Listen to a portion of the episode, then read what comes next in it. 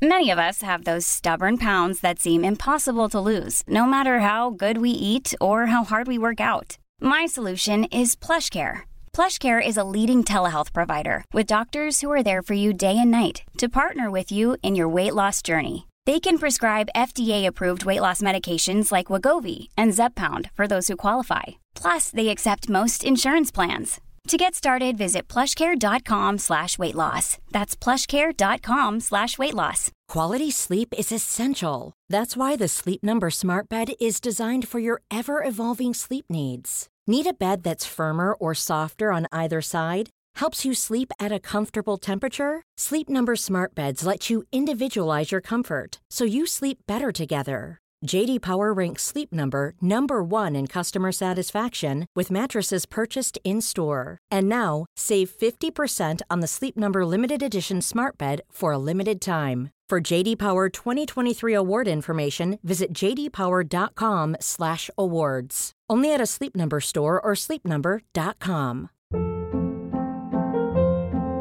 Hold up. What was that? Boring. No flavor. That was as bad as those leftovers you ate all week. Kiki Palmer here, and it's time to say hello to something fresh and guilt-free. Hello Fresh. Jazz up dinner with pecan-crusted chicken or garlic butter shrimp scampi. Now that's music to my mouth. Hello Fresh. Let's get this dinner party started. Discover all the delicious possibilities at hellofresh.com.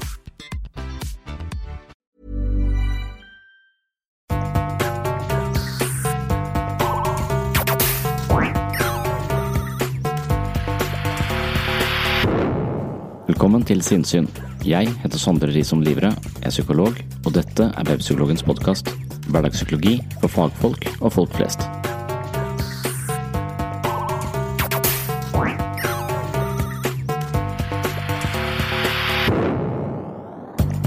Jeg var i Molde i september 2018 for å holde et innlegg på en konferanse med overskriften Trygdemedisin. Konferansen var et samarbeid mellom Legeforeningen og Nav.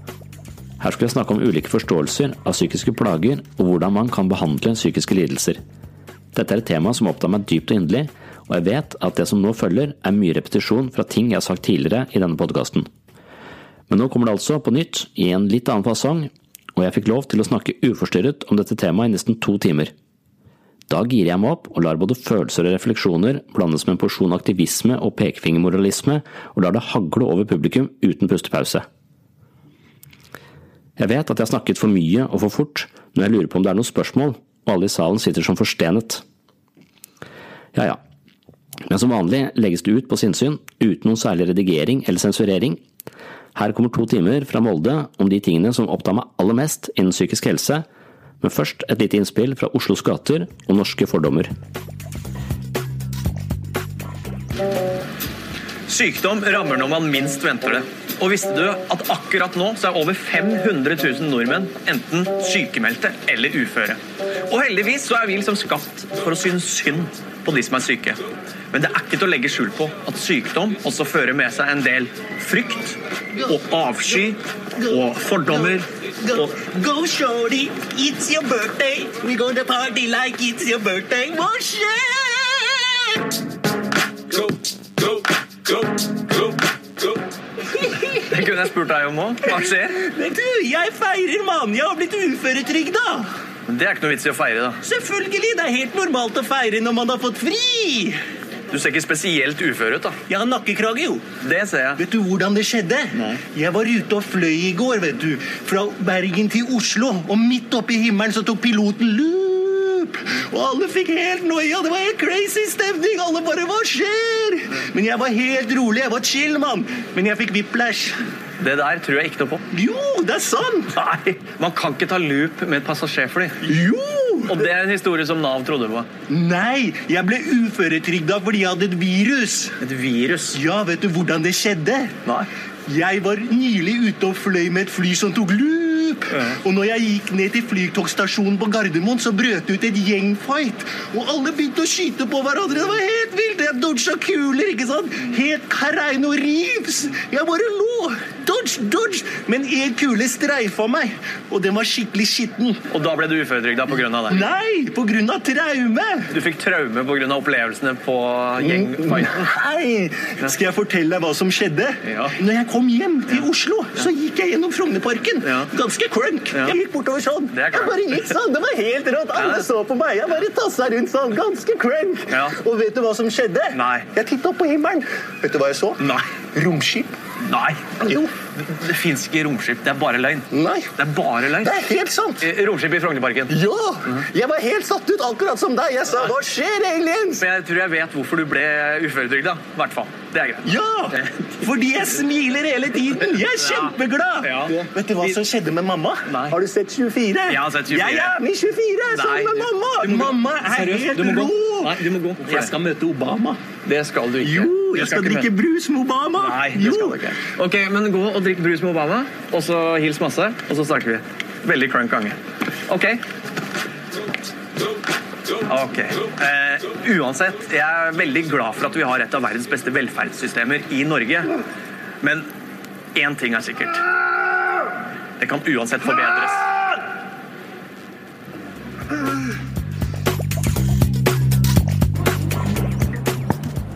Ja, takk for eh, invitasjonen. Uh, for to timer snakke om eh, behandling av psykiske plager.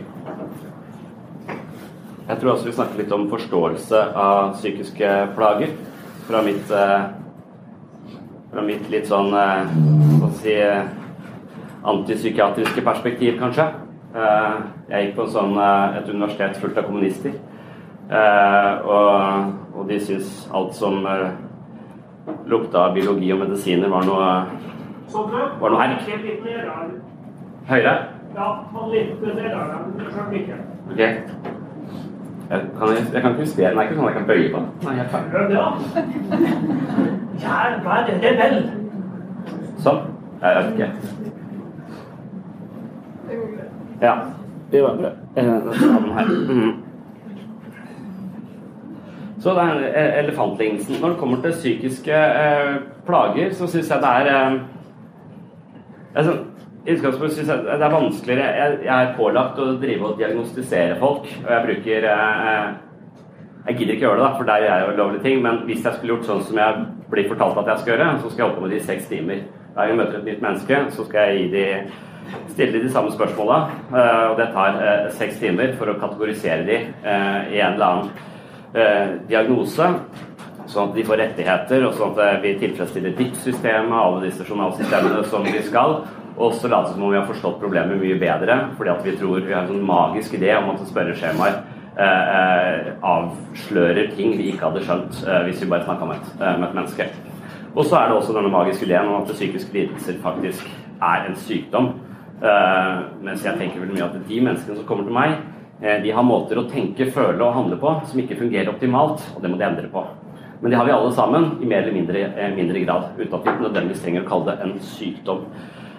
Eh, Så, eh, så jeg ser for meg at jeg kan møte én person som tilfredsstiller diagnosen moderat depresjon. Og jeg kan møte en annen person som har den samme diagnosen.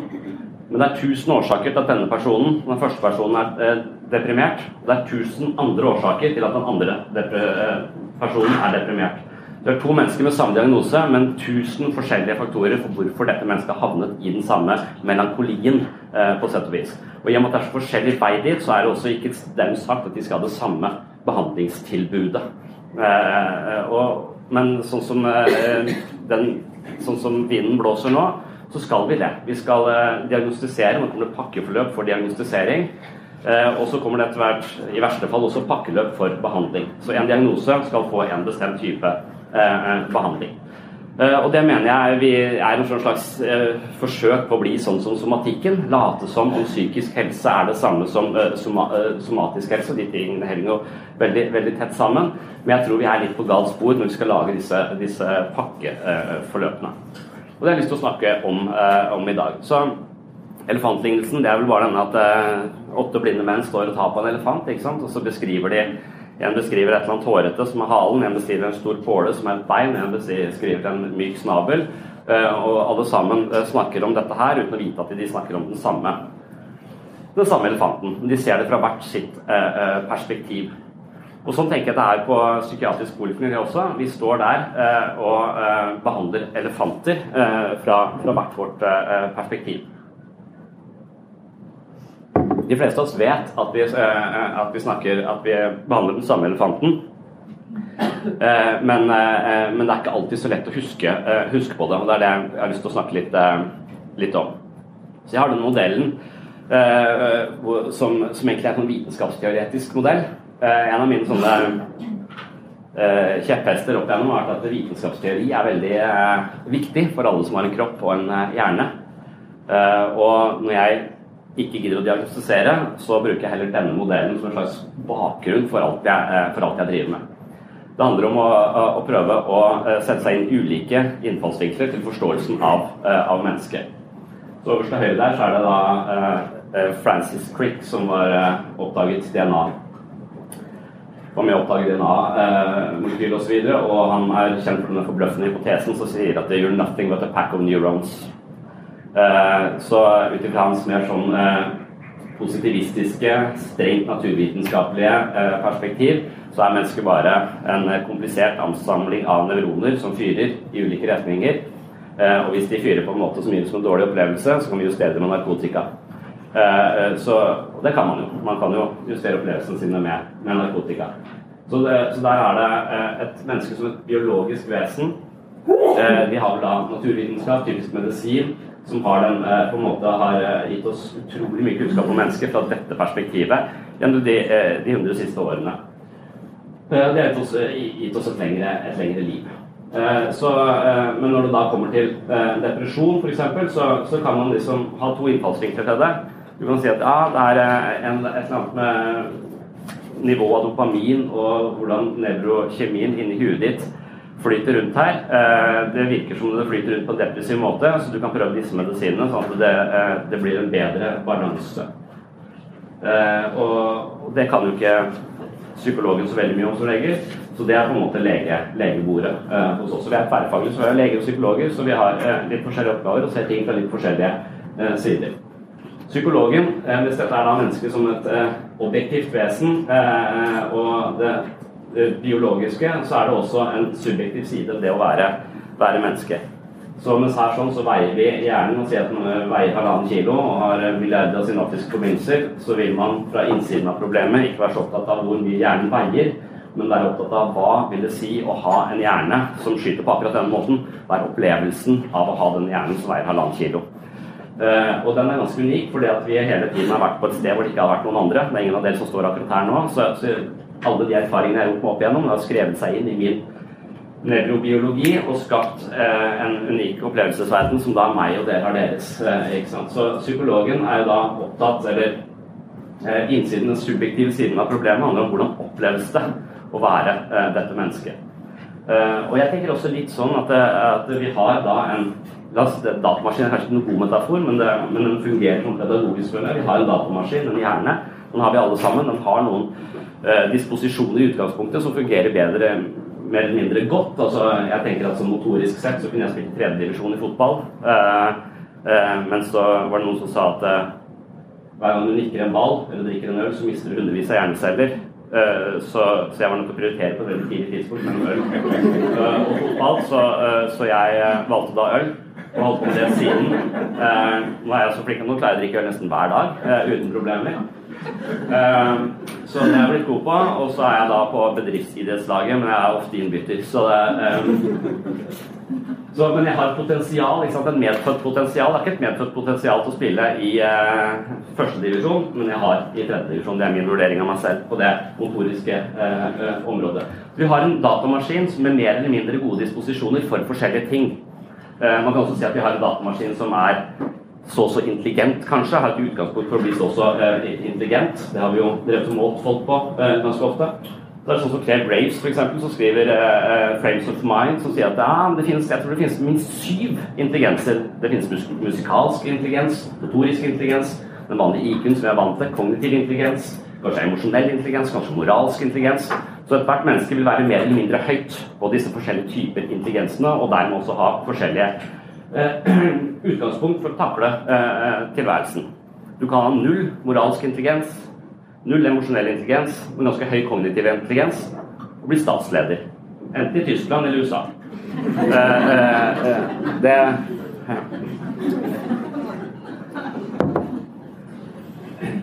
Så vi har altså en datamaskin som kan justeres, og den kan jo piffes opp litt ikke sant? med narkotika eller medisiner eller noe sånt. Men vi har også et operativsystem, og det er det psykologen er opptatt av. Vi har et operativsystem inni huet vårt som er installert av andre mennesker. Så eh, en datamaskin fungerer jo ikke uten et operativsystem. Det er operativsystemet som tolker nye data. ikke sant? Og Der er du inne på Freud og alt dette. Freud sier at eh, alt det du opplever, er ikke sånn som det er, for det er filtrert via nevrosene dine. Eh, og Det er sånn som perspektivet er veldig opptatt av når jeg møter, møter mennesker, at du må faen aldri tro på tankene eller følelsene dine, for de er korrupte. Eh, eh, Descartes var jo på en måte den, den mest radikale tvileren, eh, denne filosofen. Han sånn, når jeg leser om Descartes, så, meditasjonen hans, så viser han han står ikke opp for klokka ett om morgenen. Han har sånn tenåringsdøgnrytme. Han legger seg seint på kvelden, så ligger han i senga og tenker til, til, til langt utpå på formiddagen der. Og så, og så tenker han at faen, det kan være jeg har en demon inni huet mitt som, som lurer meg til å tro at eh, to pluss to er fire. Det kan være at det egentlig er fem. Men bare at denne demonen driver og forkrøpler alt jeg tenker og føler hele tiden. Så den lurer meg i alt jeg gjør. Det kan eh, potensielt sett være sant at jeg har en demon i hodet mitt som eh, når jeg opplever noe som grønt, så er det faktisk rødt. Og bare på faen så driver den og fucker opp alt uh, uh, som jeg opplever. Og dermed så begynte Descartes å tvile på alt han opplevde. Men det eneste han ikke kunne tvile på, det var at han hadde en bevissthet som kunne bli lurt. For Det er ikke noe vits i for en demon å lure noe som ikke eksisterer. på En måte. Så en bevissthet som kan bli lurt, det må eksistere. Det er det eneste jeg kan ta for gitt. Så da kommer den jeg tenker, eller jeg har en bevissthet, derfor er jeg. Men alt annet det kan jeg ikke eh, stole på. Det tror jeg er en bra holdning. Eh, eh, det, det tror jeg er en ydmyk holdning. Hvis du har det motsatte av den holdningen, tro på alt eh, eh, som dukker opp inn i huet ditt, og tro at det er sant, så kan du bli president da også. Eh, Men ikke nødvendigvis den beste presidenten. Men poenget nå snakker vi til om er at vi har dette operativsystemet sant, inne i, eh, i hodet vårt. Eh, eh, og det er som regel da som, det, er der, det er det som er psykologi, det er det som er utviklingspsykologi. Det handler om bare om mange forskjellige måter å forstå hvordan vi har fått installert et operativsystem inni huet vårt fra vi ble født til vi er her vi er i dag, og hvordan vi hele tiden farger alle nye opplevelser av oss selv og, eh, og verden. Og de menneskene vi møter i psykisk eh, helse, de har jo ofte da møtt folk som eh, har vært kritiske til de, eller oversett de, eller glemt de, eh, eller kjefta på de. Sånn at de har hele tiden, når de har lest seg selv i møte med verden, så har de, eh, så har de fått langsomt installert dette systemet som sier at det, du er en pest og en plage, eller du er udugelig, så alt du prøver på, det kommer du til å mislykkes i. Så hver gang du møter en utfordring, så er det best for deg å trekke deg unna for å slippe nederlaget. Uh, og hvis du da tror at du generelt sett kommer til å mislykkes, så vil du også da nettopp unngå alle nye utfordringer. Og denne ideen du har om å bli mislykka, den blir altså materialisert i livet ditt. Den blir livet ditt, og du kommer til å ha masse bevis på at du er eh, mislykka. Fordi du har ikke klart noe som helst. Og når du da faktisk prøver, så er du faktisk litt dårligere enn andre folk også, for du har prøvd for lite og trent for lite. Du mangler mengdetrening på de forskjellige utfordringene. Eh, så, eh, så, mange av disse menneskene har jo da masse bevis på at de er, eh, er udugelige, og de tenker kanskje at det er datamaskinen din som er udugelig. Jeg vil ofte si at det er kanskje operativsystemet ditt som er ræva. Når du kjører på Windows 95 i 2018, så må du regne med at dette her går litt på trynet. Så, så, så, da handler det om å, å, begynne å observere sitt eget operativsystem. Det er psykologisk behandling. Det er psykoterapi, uansett hva slags fasong du driver og, og hva slags terapi du driver. Om du driver kognitiv terapi, så gjør du tankene dine om til analyse, på en måte. Istedenfor å bare være tankene dine og tro på det, så tar du et skritt tilbake og så ser du jeg tenker det, her kommer det masse tanker. Uh, og, og, jeg vurderer de. Jeg står utenfor. Jeg, jeg, tenker på min egen tankegang, på sett og vis. Hvis du driver med affektbevissthet, så er det følelsene du, du gjør om til objekt for din egen analyse. Så istedenfor å være fanget av følelser, så beskriver du følelsen. Du ser følelsen. Her er følelsen. Den kommer, den går. Det kjennes her i brystet, det knyter seg i magen. Denne følelsen går ut i hele systemet. Er det du beskriver følelsene dine, så vil du fra et sånn objektivt perspektiv aktivere prefrontal cortex.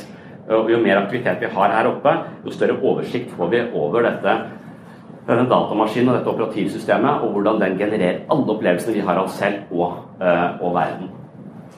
Så eh, hvis du, går, hvis du mediterer mye eller går i vellykka psykoterapi, så vil du ha mer aktivitet i prefrontal cortex, og det er det vi driver med. Vi trener folk til å ha mer eh, aktivitet i denne delen av denne muskelen.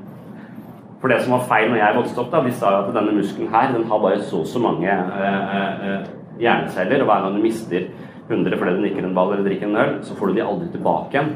Eh, mens det har vi jo heldigvis eh, Eller det er vranglære, da. Det har gjort at jeg uh, sitter på benken uh, uh, når jeg kunne vært Rico. men for hjernen er jo også en, en, et organ som fornyer seg. så hjernen er plastisk også, så den, den, vil jo utvikle seg avhengig av hvordan vi bruker den. så det, å, det vet vi om kroppen. Musklene våre jo, tilpasser seg jo hvordan de blir brukt. Hvis de aldri blir brukt, så blir de slappe. Da trengs de ikke. Hvis vi går i helsestudiet hele tiden, så skal vi ese ut og bli, bli større. Nå har jeg gått på helsestudier i 100 år, jeg har ikke blitt noe større. Uh, men, men, jeg er litt sterkere, for det er litt lettere for meg å løfte den barnevogna inn uh, i, uh, i, bilen enn det var på den første, første barnet mitt. Da gruer jeg meg litt, bruker sånn ca. ett minutt å stå og banen litt inni meg, og så stirrer jeg på vogna, og bare tar jeg den inn, lett som ingenting. Fordi jeg har trent musklene mine, og de er sterkere. Mm. Jeg tenker at altså samfunnet generelt så bør vi kanskje forstå at hjernen er en tilsvarende muskel da, som også må trenes. Eh, eh, men vi har ikke noe helsestudio for huet foreløpig. Eh, og det kan komme tilbake til, men jeg tror det i tidligere tider og kanskje i noen samfunn finnes et slags treningsstudio for, hodet. Men når vi har kasta Gud ut med badevann og ikke tror på noen religion og ikke har noen bibelgrupper og sånt lenger, så er det ikke så mange arenaer for å trene hodet eller tenke innover eller stille kontemplasjon. Vi lever i et veldig sirkulært samfunn, så nå føler jeg kanskje at det, er psykiatrien som har overtatt den, eh, den, biten. Det er, sånn, det er, det er tenkt å si noe om eh, senere. Det kan kanskje diskutere. Men i hvert fall, vi har to forståelser av depresjon. Da. Vi har en forståelse som sier at operativsystemet ditt er installert tar en sånn rent freudiansk forståelse av hvordan, hvordan angst og depresjon oppstår. En teori der sier at det er undertrykt aggresjon. Så du har hele tiden lært at det å være sint eller det å bli være utagerende på en måte, det er jo sosialt uakseptabelt. Så man undertrykker eh, sinne. Kanskje har du hatt foreldre som ler av deg hver gang du er sint, og ydmyker deg. Så det å uttrykke sinne, det har du ikke funnet noen god måte å gjøre på. Kanskje, eh, kanskje ja, på, på, en eller annen måte så har du fått levd i et miljø som har installert den ideen om at uh, sinne er en følelse du ikke tolererer, den må komme for deg selv. Og hvis du undertrykker sinne, så fører det både til angst og depresjon. Angst fordi at du, det er sterke følelser i deg selv som du ikke tar hensyn til, som ligger på en måte i periferien av bevisstheten din og truer deg. Så du blir litt sånn De som har det på den måten, de sier ofte 'jeg er redd for å bli gal'. Eller de sier at jeg, hvis jeg først begynner å gråte, så skal jeg aldri stoppe. Eller hvis jeg først blir sint, så vet jeg ikke hva som skjer. De er på en måte redd for seg selv. da. De er redd for sine egne følelser og sine egne impulser og reaksjonsmåter, så de bruker ekstremt mye mental energi på å holde disse kreftene unna. Og det er angst du er redd for deg sjøl.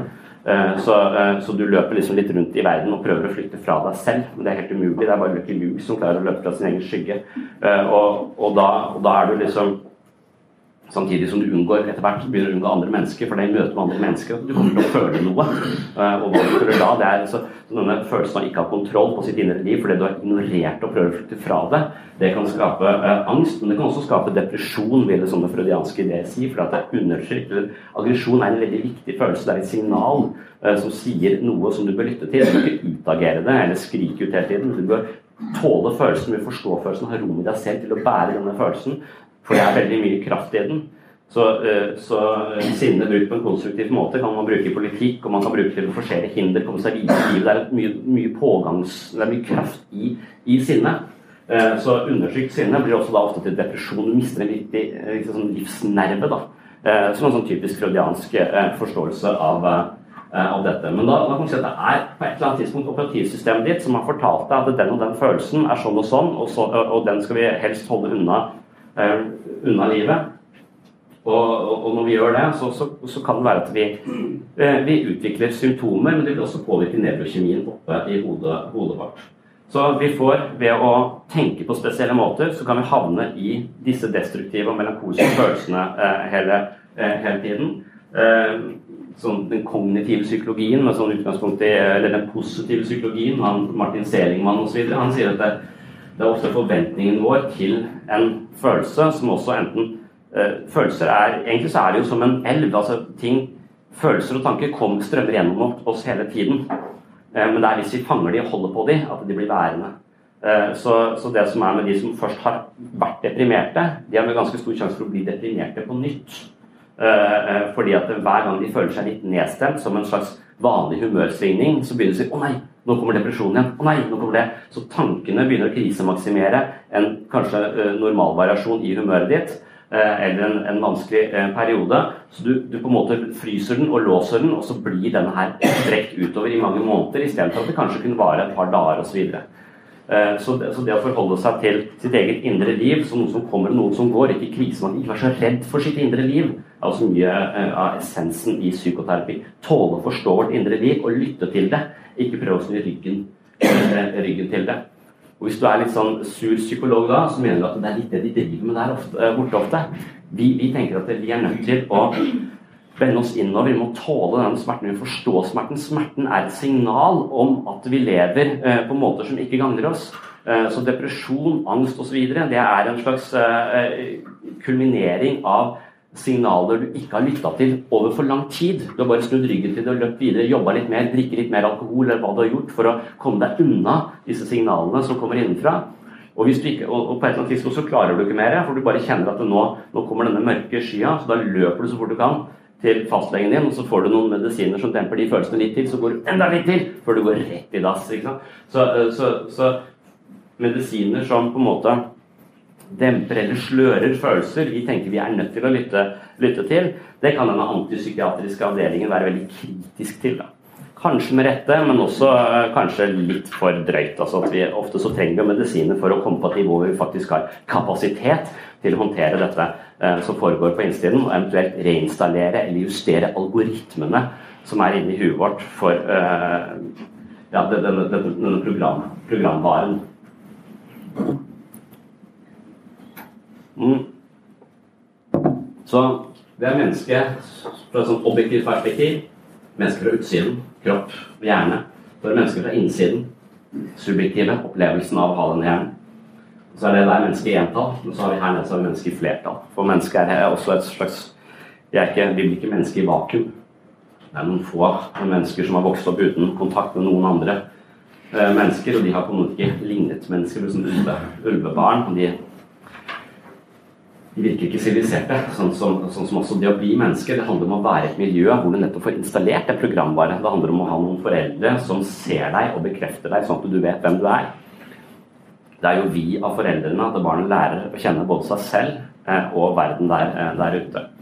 Så, så, i foreldrerollen så er det veldig viktig at man, eh, man speiler barnet. Det er det som det, Nå har jeg vært med tre barn, og så lenge siden jeg var i pappaperm igjen og hjemme med hund minste, da, som var rundt et år da, ikke sant? litt for, før et år. Og, så, så, hun har nå fått et, installert et operativsystem i huet sitt av meg. Og det operativsystemet hennes det sier at det, pappa er glad i meg, men han er mer glad i iPhonen sin, eh, sier det eh, operativsystemet. For jeg ser mer på iPhonen enn jeg ser på henne. Bare sjekke den tittelen, sjekke den siste oppdateringen. Så, så, men det er jo liksom vi av meg, hun leser verden. Så jeg vet liksom, jeg går rundt med henne på armen, og hver gang det ringer på døra, så blir jeg veldig ivrig. Hun vil dit, men så er jeg også litt skeptisk. Så vi åpner opp, og hvis vi ikke har sett personen som står der før, så stiller jeg på meg skal, hvordan skal vi vurdere denne situasjonen. Farlig, ikke farlig? Skal vi løpe? Hva skal vi gjøre? Hun, hun bare ser. Jeg vil vite om dette mennesket som står der ute, er farlig. Eh, og hvis det da er menn med skjegg, så blir hun ganske kritisk. Eh, det er det hun er mest redd for. Eh, menn med skjegg er farlig. Det er kanskje fordi hun har sett for mye på nyhetene. Jeg vet ikke om hun er redd for terrorisme, eller eh, hva det er for noe. Men hvis det er folk vi ikke kjenner som ringer på, så er det som regel Jehovas vitner, og de skal vi bare avvise på en høflig måte. Um, så det så, men jeg jobber i gruppeterapi, eh, og gruppeterapi er jo det, Dette her handler om mennesker fra innsiden i flertall, altså det intersubjektive meg og den andre. Det er i kontakt med den andre jeg vet hvem jeg er. Så det er i deres blikk jeg forstår om jeg er på riktig spor. Så vi leser oss selv via andre hele tiden. Og, men hvis du da har vært sammen med andre som hele tiden har kritisert deg eller, eller behandla deg dårlig, så vil du ofte ha et blikk eh, eh, på deg selv, eller en forventning inn i hodet om at andre mennesker fungerer også på den måten. Eh, så, så, i gruppeterapi så sitter vi i ring, eh, åtte mennesker uten bord, eh, og så, og, så, er poenget da å speile hverandre. Det er også en, en spesiell form for behandling av psykiske plager, er i gruppe. Jeg mener mer bør foregå i gruppe, kanskje fordi jeg er gruppeterapeut, men også fordi at jeg er litt sånn skal vi si, sosioøkonomisk perspektiv på det. Så jeg tenker at eh, vi har såpass mye å gjøre at vi bør effektivisere dette litt. Jeg mener at grupper er ganske potente til å skape ganske gode forandringer eh, hos mennesker. Det Følelsen av å være del av et meningsfullt fellesskap er helt avgjørende. Eh, så jeg tenker at det, Når jeg jobber på politikken, jeg jobber bare i gruppe, så har jeg mange kollegaer som hele tiden har folk tar livet sitt eller vil ta livet sitt og driver og stresser og skriver noe voldsomt i poliklinikken. Vi har de samme pasientene, akkurat den samme populasjonen. Vi får henvisninger derfra også, akkurat de samme. Men hvis du da inkluderer mennesket i et meningsfullt fellesskap sammen med andre, hvor de får en betydning for andre mennesker, så snakkes det ikke om eh, suicidalitet. Suicidalitet er den mest selvmordsforebyggende som fins, er min opplevelse. Å ha folk i meningsfulle eh, fellesskap. Jeg tror den første største faren for selvmord er ensomhet og isolasjon og en følelse av annerledeshet og utenforskap. på en måte. Så hvis vi klarer å lage grupper som klarer å være, ha ganske høy takhøyde og inkludere folk, eh, så, de kan føle seg som en del av noe, så er det ganske potent eh, på, i seg selv. altså Før du har begynt å intervenere eller ha noen ideer om hva slags psykoterapeutisk intervensjon du skal gjøre i denne, eh, i denne gruppa. Men det vi gjør, da, vi setter mennesker i, i ring og, så, og, så, handler det egentlig om å skape et, en arena eh, hvor vi kan undersøke vårt eget operativsystem. Men vi må gjøre det uten å ljuge. Eh, og forskjellen på meg som privatperson og meg som terapeut er at jeg, som privatperson så lyver jeg litt mer. Selv om jeg, jeg prøver å lyve minst mulig. Jeg har hørt mye på Sam Harris, han mener du aldri skal lyve. Eh, det gikk til helvete for meg når jeg prøvde det en stund. Men, men eh, jeg, skal, jeg, fortsetter å, å, å, å, prøve. Men med det så mener jeg at liv der ute er fullt av sosiale koder vi skal forholde oss til. Vi skal være høflige, vi skal lytte til andre osv. Så, videre. Eh, så veldig ofte så, eh, så, så, er et sånn samspill mellom mennesker styrt av disse sosiale kodene, og det regulerer samspillet. Da blir det ikke så stress å være der, for det er liksom forutsigbart, vi vet hva som skjer. Så jeg mener det er en bra ting. Men, men når du kommer i gruppeterapi, så er Forskjellen på gruppeterapi og et symøte er jo at vi ikke forholder oss eh, Eller vi har prøvd å lage bevisst gå vekk fra disse sosiale, eh, sosiale kodene. Så målet i gruppeterapi er å gi andre tilbakemeldinger på en så oppriktig måte på hvordan jeg opplever deg her og nå, og du gjør det samme tilbake. Og dette gjør vi på tvers av, eh, av, av gruppa. Og ideen er jo at vi i møte med andre mennesker kan forstå mer av oss selv og vår investering i, i, i dette møtet. Hvem er jeg i møte med deg? Hvordan ser du meg, og hvordan ser jeg meg selv utenfra? Det kalles mentalisering. Så vi tenker at vi driver med mentalisering, handler om å forstå andre mennesker innenfra og se seg selv litt, eh, litt utenfra.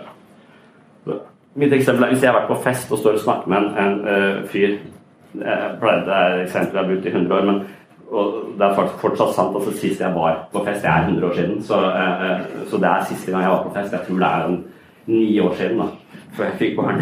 Og så, og Da jeg snakke med en fyr som åpenbart ikke brydde seg om meg. Eller han, han virka så uinteressert. da.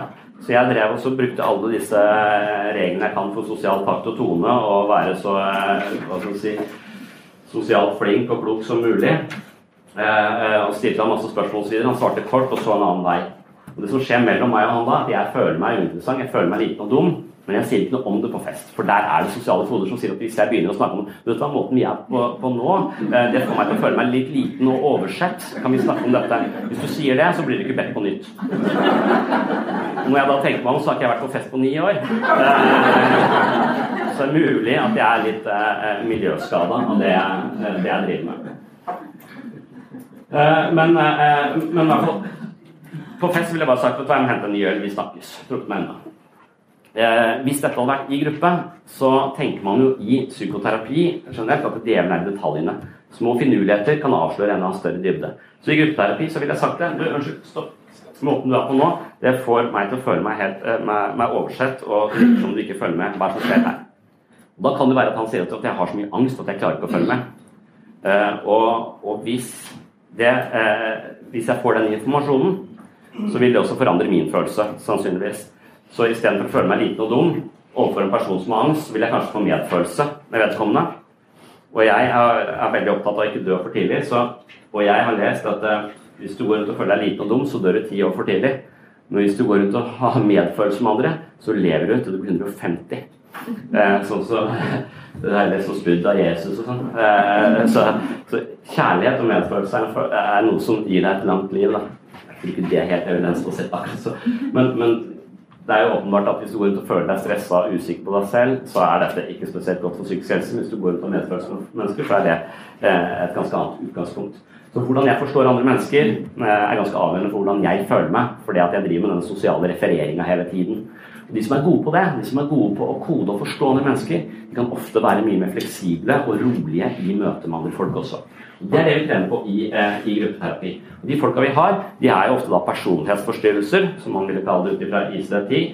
Personlighetsforstyrrelser vil bare si at du har et eller annet sånn skakkjørt eh, operativsystem som sier at hvis ikke du klamrer deg til folk, så forsvinner de. Eh, alle som jeg eh, er glad i, de, eh, de kommer til å forsvinne, så jeg må prøve å holde de fast. Og det du holder de fast, så kveler du de, og så dør de for deg. Så, eh, så, så disse operativsystemene, måten de er på der inne, det bør speiles.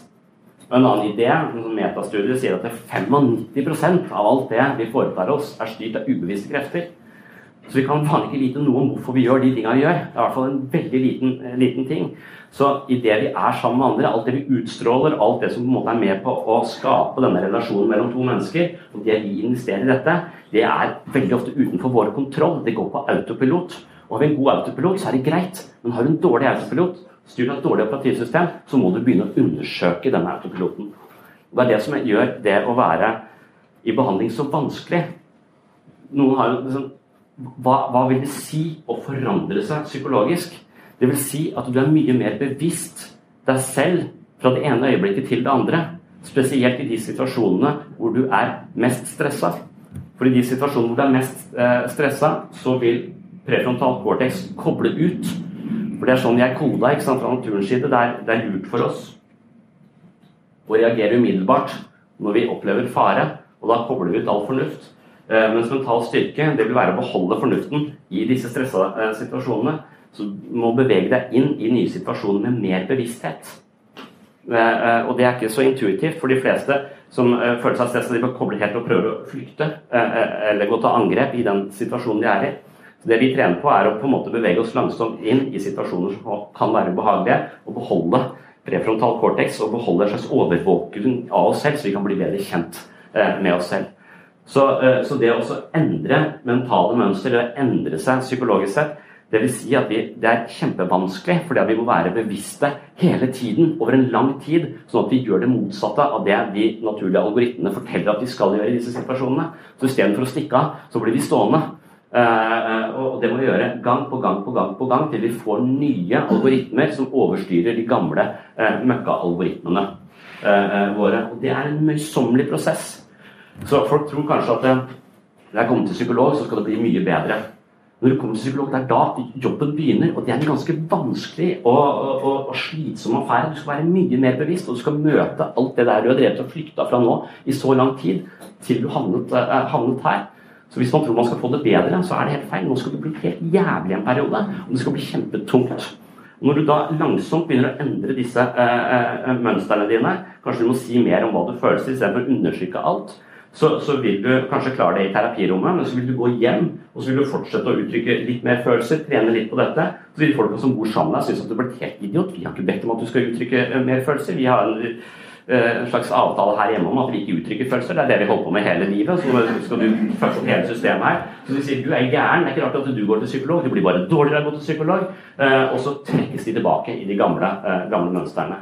Så det mønsteret vi er vokst inn i, vil veldig ofte ha oss tilbake til status quo, mens psykologisk behandling handler om å bryte ut av de mønstrene. Så jeg tenker at Gjennom livet vårt så går vi gjennom masse forskjellige utviklingsfaser som er beskrevet av Eriksson og Freud og Piaget også forskjellige, med forskjellige innfallsvinkler fra forskjellige eh, perspektiver. Men kulturen er også perspektiv. Miljøet rundt oss er også et perspektiv som trekker oss opp, sånn at vi blir litt lik de folka som er rundt oss. Eh, eh, og kulturen fungerer som en magnet som trekker oss opp til det nivået hvor kulturen er. Men hvis du da skal bevege deg videre, så fungerer det som en motmagnet som trekker deg tilbake igjen. Så det å vokse ut av sin egen kultur, det å vokse ut av sin egen familie, det å vokse forbi sine egne foreldre, det er ganske eh, smertefullt og vanskelig. Vil ofte bli dratt tilbake til, eh, til, til status. Eh, så, eh, så, det er liksom den det, er, det, å tenke på psykologisk behandling handler om å være mye mer bevisst i veldig mange situasjoner. Og være interessert i hvordan jeg Hva skjer inni huet mitt i møte med akkurat dette mennesket? Hva skjer når jeg skal møte en ny partner? Eh, hvor jeg alltid har møtt partnere som behandler meg dårlig. De behandler meg bra den første uka, og så behandler de meg drit i tre år etterpå. Eh, helt til jeg klarer å slippe ut. Hva er det som skjer i møte med nye mennesker? Hva er det eh, når jeg umiddelbart føler en tiltrekning? Er det bra? Skal jeg lytte til den algoritmen? Eller sier nå på en måte min empiriske data om mitt liv at hver gang jeg føler en veldig tenning på et annet menneske, så bør jeg rope varsko, bør gå en lampe på og si dette er sannsynligvis et ræva, vær litt mer bevisst i dette møtet. Eh, det sier jeg ofte til de som hele tiden kommer i disse forholdene. Du skal prøve å møte en person som du overhodet ikke tenner på og syns er dritkjedelig. Det er vedkommende om du skal gifte deg. Uh, du må ikke stole på uh, på algoritmene dine eller magefølelsen din, med mindre du, klar, mindre du vet at du har en god magefølelse. Da kan du bare kjøre på. Men de som kommer til oss, de har ikke en god magefølelse. De har ikke god intuisjon. De har ikke godt operativsystem. Så dette blir jo litt eh, på siden, men det er litt om eh, gruppeterapi. Altså, i, i, terapi generelt så, så, er jo dette med å prøve å se på disse som jeg sa, delene detaljene, små finurligheter, kan avføre en, en, større dybde. Jeg har selv gått i gruppeterapi i mange, i mange sammenhenger. Og jeg husker spesielt en fyr som var så kjedelig. Eh, så han satt eh, ved siden av meg, eh, veldig ofte på min venstre side. og hver gang han begynte å, å, prate, så fikk jeg lyst til å skade meg sjøl. og så tenkte jeg hvor i helvete lenge skal det her vare? Uh, og, og, hvis jeg hadde vært i livet der ute, så er jeg jo godt opptatt. Jeg hadde bare fulgt med, tatt meg sammen og, og nikka og, og respondert så godt jeg kan. Uh, prøvd kanskje å styre samtalen inn på noe jeg selv var interessert i. Men uh, istedenfor å bli et offer for hans, uh, hans, måte Og så begynte jeg å tenke hva er det han sier for noe? Og så hørte jeg på hva han sa. Han sier egentlig at han har interessant informasjon. Han var veldig interessant informasjon, men likevel så holder jeg på å dø. Hva er det, uh, hva er det for noe? Og det er sånne ting som da i denne settingen du er nødt til å på en måte begynne, begynne å se på. Så jeg måtte si du, vet du, Beklager, men stopp deg. Når du tar ordet, så er det som om jeg har koblet ut. Jeg vet ikke hva det er for noe, men det er interessert i å finne ut av. Eh, og så kan vi spørre de andre i gruppa hva tenker dere. Da sa de andre i gruppa at vet du, Sondre, du er så selvopptatt, så du gidder ikke å høre på andre. Så det er problemet. Og det er nok sant.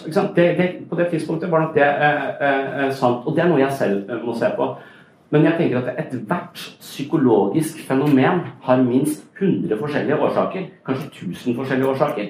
Så selv om vi har avslørt én årsak, så betyr ikke det at de 99 andre årsakene og forståelsene fortsatt spiller inn. Så vi bør ikke gi oss på én, vi bør finne ut mer om det. Så ok, la oss si at jeg må lytte mer til andre. Det, det er noe jeg kan, kan trene på, har trent på siden. Men, men, de sa også at ja, jeg er litt enig, det er litt vanskelig å følge med når, når, han, når du snakker. Eh, og, og, i denne formen for det man kaller dynamisk psykoterapi, så tenker man at eh, og mentaliseringsbasert psykoterapi er jo bygd på den dynamiske ideen at den vi er i dag, den er vi som et resultat av alle de dagene vi har levd før det. Så fortiden lever i nåtiden. Vi er et konglomerat av alt det vi har opplevd. Så uh, det er Freud sin idé igjen, at uh, fortiden lever i, i, i, nåtiden. Så når han uh, fikk denne tilbakemeldingen, så begynte han å tenke seg ja, jeg skjønner hva dere sier, for veldig ofte så føler jeg må kjempe ganske hardt for å beholde folks oppmerksomhet. Dersom jeg lett blir overs, oversett eller overhørt i sosiale sammenhenger. og jeg vet ikke hva dette er for noe. Uh, og så begynner han å se litt på livet sitt. sånn, Jeg, jeg egentlig vokst opp i et veldig sånn strengt religiøst hjem. Jeg har alltid tenkt at jeg har hatt en veldig god barndom. Men jeg tenker meg om, så, så var det å uh, være høylytt uh, Vi skulle alltid ha innestemme. Vi skulle alltid være liksom, prektige ordentlige og, og, og framme. Så det var nok et slags sånn tabu å uttrykke sterke følelser. så det kan være at jeg har skrudd av disse sterke følelsene på et litt tidlig tidspunkt og fungerer veldig mye fra hodet. Så han var en sånn intellektualisering av Forsvaret. Han var veldig sånn klok, men kjedelig. Eh, eh, så, eh, så, og da, da, da, må man si at jeg tror det var en god hypotese her. Han hadde skrudd av veldig mye av følelsene. For jeg tror at det, det, som kobler oss på et annet menneske, det er hva dette mennesket forteller oss av informasjon, men også hva dette mennesket føler for den informasjonen det formidler. Og hvis du ikke føler noe for det du formidler, så vet ikke jeg hvordan jeg skal føle for det du formidler. Og så kobler jeg ut. Det er litt som å høre på en datastemme eh, prate, eller Vidar Peisen før han døde. Så det er ikke noe, det er ikke noe innlevelse eh, i det som skjer. Så jeg tror veldig mye kommunikasjon handler om innlevelse. Så når han da fikk en idé om at vet du hva, jeg må kjenne til hva føler jeg for det jeg sier, og når han begynner å prøve å ta det med i ligningen, så er det lettere for oss å følge med. Og langsomt, over et halvt års tid, når han hadde et bevisst forhold hver gang han skulle si noe, så tenkte jeg hva føler jeg for det jeg skal si nå? Hvorfor sier jeg det? Hva er min uh, agenda med å si akkurat dette, og hva føler jeg for dette? Når han trente på det, så var det stadig lettere å, å, å følge med på hva han sa. Og, og, og, til slutt så hadde jeg glemt dette at å nei, nå kommer han og prater. Den impulsen kom ikke. Nå var jeg hørte etter på hva, uh, på hva han sa. Det er sånn som man kan tenke at gruppeterapi eh, eh, fungerer. Hadde de bare jatta med og bare vært høflige, så hadde de aldri avslørt dette her. ikke sant? Vi kunne heller ikke gjort noe med det. Det er litt det som er, Hvis 95% av det som foregår på innsida, eh, er ubevisst, så driver psykologi med å gi det et språk. sånn at når du får et språk, så kan vi se det. Når vi kan se det, så kan vi gjøre noe med det. Eh, og det er eh, hele poenget. Det handler om å ha et språk på hva som foregår på innsida. Og det er ikke sikkert at psykologi er det beste faget til å som for, forteller oss alt som foregår på innsida. Det kan godt være du hadde vært en bedre terapeut hvis du var litteraturviter. og at det er mye skjønnlitteratur osv. som har, eh, har de samme, eh, samme kvalitetene og kan gi oss et større eh, forståelse av hva som foregår på innsiden. Så har du mennesker som en intersubjektiv størrelse, altså at vi blir mennesker i møte med andre. Det er altså der vi får installert operativsystemet vårt. Når vi har fått installert et operativsystem, så har vi ofte en forventning om at andre mennesker eh, fungerer på samme måte som de vi har erfaring med. Og Da kan det være at vi møter mennesker med mur av mistillit, f.eks. For fordi vi har erfart at folka rundt meg de vil le og lyve og manipulere meg hvis ikke jeg er på vakt. Så hvis du møter andre mennesker på, på samme måte, så skaper du avstand istedenfor nærhet med din egen skeptiske måte å være på. For Fordi operativsystemet ditt forteller deg at vær på vakt hele tiden, så går du på alarm beredskap. Eh, og Da må du se på det for å skape disse, eh, disse, eh, relasjonene. Og Det er sånn man kan kjenne på når man sitter i gruppe med mennesker. Noen mennesker føler jeg en umiddelbar sånn ah, 'Deg vet jeg hvem er. Du er god å være sammen med.' Andre mennesker kan sitte der og være helt fremmede for meg i eh, månedsvis for jeg skjønner noe som helst av dem. Noen mennesker irriterer meg. Eh, to mennesker kan fortelle om den samme historien. Uh, mens den ene uh, mennesket har jeg masse medfølelse med, det andre mennesket bare irriterer meg og forteller om, om, de tingene. Så alle disse måtene å reagere på snakker vi om og tematiserer. Det er ikke dermed sagt at jeg har noe sannhet om de andre menneskene i gruppa, men jeg har en opplevelse av dem. Og hvis min opplevelse er irritasjon, så kan det være at jeg ligner litt på andre folk, og at de også vil irritere seg, og at dette mennesket trenger masse fra relasjonene sine, men ikke får noen ting, fordi de har en måte å være på som hele tiden irriterer folk. Og Når man blir irritert, så er det ofte fordi folk ikke tar ansvar for egne følelser, men har en forventning om at andre skal bære dem på en eller annen måte. Så to mennesker kan fortelle den samme forferdelige historien. Den ene tar ansvar for sin historie, og du kan være der og lytte til den og føle at du betyr noe i din måte å lytte på. Mens andre mennesker gjør seg til et offer og, og, og på en måte indirekte forventer at du skal overta livet deres og bære dem videre. Det er bare irriterende. Uh, de får ikke, og Det kan godt være at jeg skal være den som bærer det, fordi jeg får betalt for det. Men da skal jeg være veldig klar på det. nå driver jeg og bærer følelsene dine. Det er drittungt for meg. Jeg føler ikke har god nok lønn til å gjøre det. Jeg skal gjøre det noen uker nå, men så skal du ha det tilbake igjen. Altså. For hvis jeg er en sånn som driver og blir din krykke i resten av, av, livet ditt, så gjør jeg deg en bjørnetjeneste. Det er det mange som driver med i psykisk helse, er å gjøre folk bjørnetjenester. og bli krykker for folk og være for empatiske. Empati, altså Den siste boka til Paul Bloom burde alle hjelpearbeidere lese. Den heter 'Against Empathy'. Tror empati er noe dritt. Det er ikke noe dritt, men den er skakkjørt. Akkurat som frykt er skakkjørt. Skakkjørt frykt er angst. Skakkjørt empati er relasjoner som blir symbiotiske og bare forsterker avhengighet istedenfor å skape autonomi hos folk. Eh, så, så, det å ha empati med noen betyr ikke over, det betyr at de ikke overtar problemene. Altfor mange av oss har sånne speilnevroner som føler den andre smerte, overtar smerten og føler det er vårt ansvar å gjøre noe med din smerte. Fjerne din, eh, din, smerte. Og så tar jeg med meg problemene hjem, og så tenker jeg på det. Eh, og så får jeg vondt i magen og tenker på det på ettermiddagen. Hvis jeg tenker på en pasient på ettermiddagen, så blir jeg glad. Da tenker jeg at du er ikke psykopat. Eh, du har medfølelse i det. Det er en god ting. Så mm. Ok, så da har vi én kvadrant igjen, da. Det er, eh, dette er den objektive siden, dette er den subjektive siden, dette er flertall, entall. Så har vi et objektivt flertall igjen. Der er Nav. Objektivt flertall, interobjektiv. Eh, det betyr at ved å ha denne modellen så tenker man at det er så mange faktorer som påvirker det å være menneske. biologien vår påvirker oss. Operativsystemet påvirker oss. Relasjonene vi har, påvirker oss. Men miljøet vi lever i, landet vi lever i, den ø, politiske strukturen vi lever i, de institusjonene som har bygd oss rundt oss og ivaretar oss i forskjellige faser av livet, de vil også påvirke oss i høyde. grad. Så her har det sånn type kulturpsykologi. Man må si at det er veldig mye av det eh, si, sosioøkonomiske faktorene i livet ditt vil også påvirke din opplevelse av å være deg. Eh, eh, og, og, det er altså tre vidt forskjellige eh, eh, perspektiver på å forstå et problem. Men jeg tror det er eh, eller fire forskjellige perspektiver på å, forstå, på å forstå et problem. Og jeg tror at vi må alltid ha det i mente hver gang vi møter et menneske som lider, eller når vi lider selv.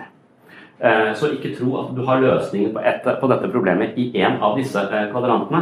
Sannsynligvis så vil et problem alltid ha, i hvert fall påvirkes eller ha årsaker i alle, alle kvadrantene. Og da vil vi også på en måte legge opp behandlingen deretter.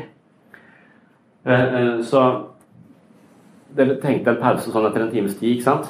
Ja, Så da har vi ti minutter til. Så før vi tar en, tar en pause. Her? Ja. 50, kanskje. Ja. Så um, jeg, jeg, jeg, pleier også å ha, uh, ha, et eksempel uh, med For det, jeg sitter i, i inntaksteamet. Altså, jeg driver med gruppeterapi hver dag, bortsett fra på fredag. Da har de tvunget meg opp uh, til å sitte og ta imot søknader fra fastleger. fordi jeg er spesialist. Men altså, jeg er ikke spesialist i semantikk. Jeg er spesialist i psykologi. Jeg er ikke sånn god til å på en måte kode hva et menneske har tenkt når det skriver fire linjer på et ark. Det er helt umulig for meg å, å forholde meg til. Men vi skal altså da avgjøre om et menneske skal få hjelp i psykisk helsevern på bakgrunn av en, en fastlege som har det travelt. Og det er ganske det er ganske uh, urettferdig og helt latterlig prosess at det skal være uh, på den måten, men der jeg jobber, så er det uh, sånn. Vi har opp mot 40 søknader i uka på det DPS-et. vi har ikke så mange 20 behandlere, kanskje, eller noe sånt. så, det er ikke, så, så, vi er som sikkert veldig mange andre steder. Vi får bare flere og flere pasienter. Og, og, vi har ikke flere og flere folk. Men vi har folk med, med sånn feilslått empati, så de ivaretar jo disse menneskene altfor lenge. Eh, ofte, og Derfor så får vi et, en slags propp i systemet. Så min oppgave det er å sørge for at de menneskene som søkes inn til poliklinikken, ikke får den hjelpen de føler de trenger. Eh, så når jeg da var eh, ble psykolog i utgangspunktet, så tenkte jeg at det, det, er sikkert en fin ting, for jeg har jo litt medfølelse, og jeg er jo en ganske eh, grei og snill person, og jeg så på meg selv som ganske empatisk. Det er heldigvis lagt av meg alt det. Jeg har ingenting eh, igjen av det. Eh, så når jeg da sitter i eh, dette inntaksteamet, hvor hele min agenda, hele min innstilling handler om hvordan kan jeg avvise dette, er det noen grunn til å avvise dette eh, eh, den, denne søknaden, så kjenner jeg at jeg får sånn horn som vokser ut i panna, eh, panna mi. Så det er en ubehagelig situasjon. Og så er det en situasjon som også setter deg i en Det gjør deg ensom. fordi at det, da vil fastlegene de mislike det. For det begynte å sette navnet mitt på den der eh, eh, avvisningsbrevet. Så de syns jeg er teit. Og når jeg tar inn for mange, så syns de jeg jobber sammen med, at jeg er teit. Så det er ingen som liker meg. Eh, eh så jeg får kjeft av de jeg jobber eh, sammen med, og jeg får kjeft uh, utenfra. Så, så, jeg spiser lunsj aleine som et resultat av det. Men det kan man si, der må man etter hvert finne et annet, eh, annet system. Jeg setter dette på spissen. For, for, noen ganger, så, som regel, så vil jeg altså si at de avvisningene de gjør, er ganske, eh, er ganske eh, rettferdige. For, for det, det, Nå er Per Fugli død, men han snakker om sånn nullvisjon. Og, så spørsmålet er vi, Det er sånn KOS-undersøkelsen blant studenter på universitetene om de, det, om de har det bra, eller om de har psykiske plager. Så var det sånn Den er gjort hvert fjerde år, og nå svarer én av fire at de har psykiske plager. For fire år siden så svarte én av fem at de hadde psykiske plager. For tolv år siden så svarte én av ti at de har psykiske plager. Så på en eller annen måte så har vi mer og mer psykiske plager i takt med at vi sannsynligvis ikke har det dårligere og dårligere. Eh, det er ikke noe som skulle tilsi, eh, tilsi det. Så det er et eller annet med lista for hva er psykiske eh, plager. Så noen ganger så blir jeg irritert på fastleger som skriver en henvisning hvor det står ung jente, 19 år, er veldig nervøs før prøver, sover dårlig om natta før eksamen. Faen, det gjør alle! Så, så vi, skal, vi, skal, vite forskjellen på hva er livet, og hva er psykiske plager. Det å miste noen, det å miste folk i nær familie, det er ikke psykiske plager, det er livet. Sånn er livet, og livet er jævlig. Livet kaster drit i trynet på deg fra tid til annen. Og sånn er det. Og det er det som på en måte eh, eh, vi må, vi, vi må forstå. og og, der, der, er sånn, nå, det siste, Jeg har et bokprosjekt som jeg, den boka kom ut i går, så jeg er veldig begeistra for nå. For det har jeg holdt på med i ti år. Uh, og det har vært å møte mennesker som tenker annerledes enn meg selv. Uh, og det, Jeg er sånn hardbarka ateist, og, og var, jeg var en rasshølateist, så jeg brukte mye tid da, på Jeg har brukt fem år i en menighet. Uh, så, så, jeg prøvde å bli religiøs, jeg prøvde å bli kristen. Det har jeg ikke lykkes med, men jeg har lykkes med å få ganske mye mer respekt for religion. Og, og, i disse dager er Jordan Peterson jeg vet ikke om dere har en sånn kanadisk psykolog som, eh, som, herjer i eh, sosiale, medier eh, og har veldig stor innflytelse. Som blåser liv i Jung og, mener at vi, lever litt i en sånn kultur av sveklinger. Og han mener at det er fordi vi ikke er kristne, da. og, og, jeg kan forstå hva han mener. Jeg tror ikke det nødvendigvis har bare med det å gjøre. Men det er som om at han sier at det, i denne kvadranten her nede så finnes det altså det å være menneske det handler ikke bare uh, vi, Mennesker er en spesiell rase fordi at vi har ikke alt det vi trenger for å overleve koda inn i DNA-et vårt. Vi har også andre ting vi trenger for å overleve. Vi trenger mytologi. Mytologi er på en måte sånn som Joseph Campbell snakker om det, så er det universets sanger. Uh, det er det alle kloke folk har tenkt. Og på en måte fortalt og videreformidla i fortellinger. Eh, og som disse urgamle fortellingene er mening i konsentrert form. Derfor virker de litt dramatiske. De skal fortelle oss noe, eh, noe viktig. Og Jordan Peterson mener at eh, f.eks. historien om Jesus Nei, det mener ikke Jordan Peterson, han tror på Jesus, men Jung mener det. Carl Gustav Jung, som er den eleven til Freud, han mener at historien om Jesus er bare en fortelling om, et, om menneskets eksistensvilkår, på en måte. Han sier at det, Jesus er på en måte en sånn arketypisk tragedie. Jesus eh, eh var eh, verdens beste person, sikkert en kjernekar. Og den, uansett, eh, var, Selv om han var så god, så ble han også utsatt for masse lidelser. Han ble svikta, piska, torturert og hengt på korset. Så, så, så, uansett hvor god han var, så ble, så ble denne lidelsen på en måte eh, rammet han. Eh, og, så, og, så, dør han etter hvert, og så, og så gjenoppstår han tre dager seinere.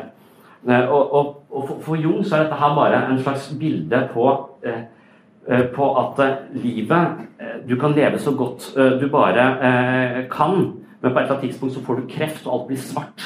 Så fra å ha en ganske ordna tilværelse, så kan det på en natt på så bli helt svart. Du kan havne, du kan miste noe som står deg nær. Du havner i totalt kaos, og du ser ingen utveier. Du dør på en måte. Men hvis du klarer å leve gjennom denne krisen, så vil du gjenoppstå etter tre dager. Men for oss kan det ta litt lengre tid.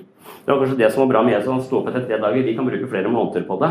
Eller vi kan bli sykemeldt i eh, i, flere år, og vi kan bli uføretrygda pga. det. Hvis vi ikke kommer oss gjennom disse, disse fasene eh, i livet. Men når du da, hvis du klarer å reise deg opp og klarer å på en måte få orden i dette kaoset, så vil du gjenoppstå som et nytt menneske. Selvet ditt vil på en måte dø.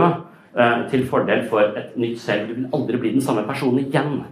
Eh, eh, så, så livets kriser er noe vi må takle, og, og, vi må også vite. og Derfor så har vi mytologi. Det er fortellinger som kan hjelpe oss i disse fasene. Musikk kan gjøre det, litteratur kan gjøre det. Det er som om de formidler at det, dette å være menneske, det har det har eh, en pris, og prisen er lidelse. og Dette har mange mennesker vært gjennom før, så lytt til disse som slags støttespillere gjennom livet til å forstå det. Hvis vi da kaster Gud ut med banevannet, eller hvis vi ikke tror på de store fortellingene som postmoderne verden, så er det liksom vi gir slipp på vårt eget mentale immunforsvar, på sett og vis. Så vi mangler historier som skal hjelpe oss gjennom kriser. Og da henviser vi heller til psykisk helsevern, eventuelt. Det kan være én av 100 forklaringer på hvorfor vi hele tiden får flere pasienter. Eh, og, og, og, mens vi sånn objektivt sett ser ut som vi skulle hatt det, eh, hatt det bedre og bedre. En milliard andre, eh, andre forklaringer eh, på det. Men det er litt sånn jeg tenker om terapi også. Terapi handler om å, eh, eh, å dø for så å gjenoppstå. Den, det selve, det ego, det operativsystemet som jeg tenker er meg, jeg er en dugelig person, jeg får ikke ting til, ingen liker meg, det som er meg, det må dø til fordel for en ny måte å se seg selv på. Og det liker ikke folk. For med en gang du gir slipp på den du er, eh, til fordel for noe nytt, så mister du fotfestet. Du veit ikke hvem du er, du veit ikke hvordan du skal orientere deg i livet eh, lenger. Så du vil føle det som smertefullt. Angsten vil stige noe dramatisk idet du gir slipp på gamle eh, algoritmer og prøver å lage deg nye. Og i denne fasen her så vil folk ofte bare gå tilbake til det gamle mønsteret sitt. Og hvis ikke vi er klar over det, hver gang vi tror at det, det å prøve noe nytt Eh, er feil hvis det virker ubehagelig for folk. La oss si de skal gå fra ikke være i jobb til jobb. da. Så tenker jeg ja, men det passer ikke, jeg følte meg jeg bare så dårlig, det, jeg følte det ikke var riktig, og ikke kjemien passa ikke. Alle de forklaringene de har, som skal bare tas tilbake til status quo der det var trygt å være, de forklaringene bør vi på en måte være litt kritiske. Vi vil i hvert fall vite at det, det er riktig å gå tilbake igjen. Er dette en situasjon hvor du kunne stått i det, klart krisen og gjennomstått som et nytt menneske i en ny jobb to måneder seinere, hvor lang tid tar det før du blir trygg i en jobb?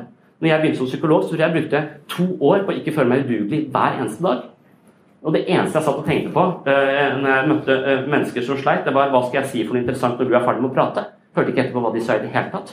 Jeg var så stressa for ikke å være god nok. Uh, og jeg tror jeg hadde høy angst over veldig lang tid. Vi må kanskje si at det å være menneske handler om å ha ganske mye angst i overgangsfaser.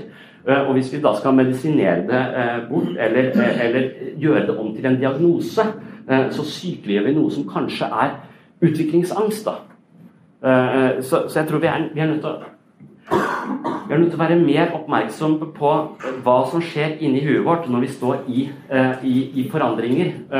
Og jeg tror kanskje at de store fortellingene har formidlet dette til oss gjennom årtusener. Eh, og når vi da slutta å, eh, å tro på Jesus, eh, så, eller Buddha eller eller Mohammed, eller hva det skal være, så, så, så, går vi ikke lenger. Vi lytter ikke til disse fortellingene. Det vi lytter til nå, er Twitter.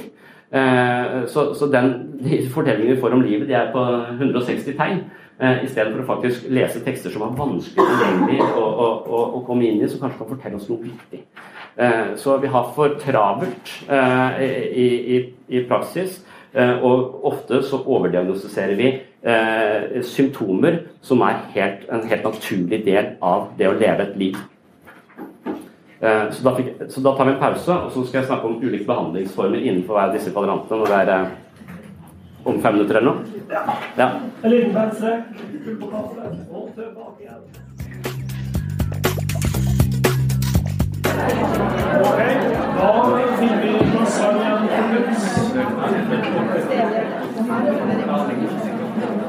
vi har en foreleser som faktisk er talerett enn meg sjøl, og det er jo ikke godt gjort. Så han pleier tida. Ok, sånn det. Ja. Vi kan diskutere disse tingene litt også, for du skjønner at jeg bare prøver å sette litt på spissen. Men, så, men i det inntaksteamet så, så kan vi se for oss at vi får en henvisning eh, som, som, jeg pleier å snakke om, som er eh, Kvinne 42 vondt i kroppen, er det jeg pleier å, å, å snakke om. Eh, den hadde vi avvist. Men, eh, men, la oss si vi tar den inn, da. Eh, eh, så er det en kritikk mot psykisk helse er jo at at det er litt sånn tilfeldig hva slags behandlingstilbud du får. og og det kan kanskje være berettiget. Og noen vil bare konkludere med at psykologi er noe kvakksalveri fordi det er helt random hva slags eh, liksom, Du kan ha samme diagnose, og så får du helt ulikt eh, behandlingstilbud. Noe som også eksisterer i somatikken, men i mindre grad. Så har du brekt et bein, så får du ikke, får ikke yoga, liksom. Eh, det kan du få hvis du kommer til oss. Eh, eh, så, så, det er en mer sammenheng mellom diagnose og behandlingsføringer. Mens eh, psykologi mener jeg befinner seg i et spenningsfelt mellom alle de hva skal vi si, eh, vitenskapelige disiplinene. Hvis vi øverste høyre her har naturvitenskap, eh, og øverste venstre og, og nederste venstre har humanvitenskap, og nederste høyre der har samfunnsvitenskap, så er det tre helt forskjellige typer vitenskaper med tre helt forskjellige det Habermas vil kalle erkjennelsesinteresser, og hva de vil kalle for sant, og hva de vil si er valid kunnskap. Det er helt forskjellig. De snakker helt forskjellig dialekt. De ser verden helt forskjellige briller. Eh, derfor denne elefantlignelsen eh, i starten. Eh, og, det får konsekvenser for behandlingen. Og når vi da sitter og tar imot kvinne 42, så har ikke jeg noen Og så står det fibromyalgi? spørsmålstegn. Og, på, på, DPS Solvang, hvor jeg jobber, så har vi ikke noen ekspert på fibromyalgi. Uh, vi har bare masse folk som er allmennpraktikere og skal kunne håndtere de, de, de menneskene de, de får på kontoret. Eh, så, så, da må man se for seg at kvinne 42 kan havne hos tre forskjellige terapeuter, avhengig av hvem som har kapasitet på det tidspunktet hvor denne henvisningen kommer. Og da kan vi si at kanskje Niklas har kapasitet. Han er lege. og han har da sin hovedoppdragelse, eller utdannelse som det heter, i medisin. så han kan mye om kroppen Eh, og forstår eh, kroppen, men også psykiater, så han kan en del om, eh, om, om psyken og han kan en del om medisiner. Så når han møter kvinne 42, så, så vil han kanskje ha et litt kroppslig perspektiv på det. Denne dama har vondt i kroppen, og når du har fysisk vondt, så kan det være naturlig å foreslå en fysisk intervensjon, kanskje. Selv om, selv om, han, selv om denne dama kommer fra fastlegen sin, som har tatt både røntgenbilder og blodprøver av den smerten, og det synes ikke på verken røntgenbildene eller blodprøvene. og Dermed så tenker man hm, det må være noe psykisk. Eh, det synes ikke. Smerten synes ikke, så da må den ha et annet, kanskje en sånn, kanskje fibromyalgi en sånn psykosomatisk sykdom. da.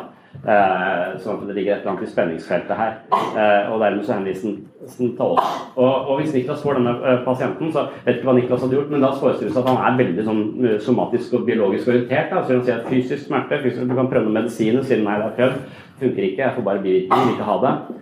Ok, men, men, hva med psykomotorisk fysioterapi? det er jo terapeuter der oppe, f.eks. en fysioterapeut. Og i Kristiansand så har man et sted som heter Bryggeloftet, hvor, som nettopp behandler denne typen spenningstilstander i kroppen, som også har et slags psykologisk tilsnitt eller psykisk tilsnitt, noe jeg mener at alle vi har en syk med oss hele tida uansett. Så, eh, så, eh, så, han vil eh, møte unge mennesker to ganger, for så å viderehenvise til psykomotorisk fysioterapi. Og når dama har gått der noen måneder, så har, hun, så har smertene avtatt. Det har fungert. Men hvis hun dama ikke kommer til Niklas, hvis hun kommer til meg isteden, som bare bor litt lenger ned i gangen, så vil hun bli møtt på en helt annen måte. Jeg kan ingenting om kroppen. For å være helt ærlig så er jeg redd for kroppen. Jeg prøver å lytte minst mulig til min egen, til min egen kropp. Spesielt til hjertet. For da kan jeg begynne å tenke på hvor lenge det har tenkt å slå. Og det er jeg ikke interessert i å tenke for mye på. Så. Many of us have those stubborn pounds that seem impossible to lose, no matter how good we eat or how hard we work out. My solution is PlushCare. PlushCare is a leading telehealth provider with doctors who are there for you day and night to partner with you in your weight loss journey. They can prescribe FDA-approved weight loss medications like Wagovi and Zepbound for those who qualify. Plus, they accept most insurance plans. To get started, visit plushcare.com slash weight loss. That's plushcare.com slash weight loss. Life is full of what-ifs. Some awesome, like what if AI could fold your laundry? And some, well, less awesome, like what if you have unexpected medical costs? United Healthcare can help get you covered with Health Protector Guard fixed indemnity insurance plans. They supplement your primary plan to help you manage out of pocket costs. No deductibles, no enrollment periods, and especially no more what ifs. Visit uh1.com to find the Health Protector Guard plan for you. Hold up. What was that? Boring. No flavor. That was as bad as those leftovers you ate all week. Kiki Palmer here, and it's time to say hello to something fresh and guilt-free. Hello Fresh. Jazz up dinner with pecan-crusted chicken or garlic butter shrimp scampi. Now that's music to my mouth. Hello Fresh. Let's get this dinner party started. Discover all the delicious possibilities at hellofresh.com.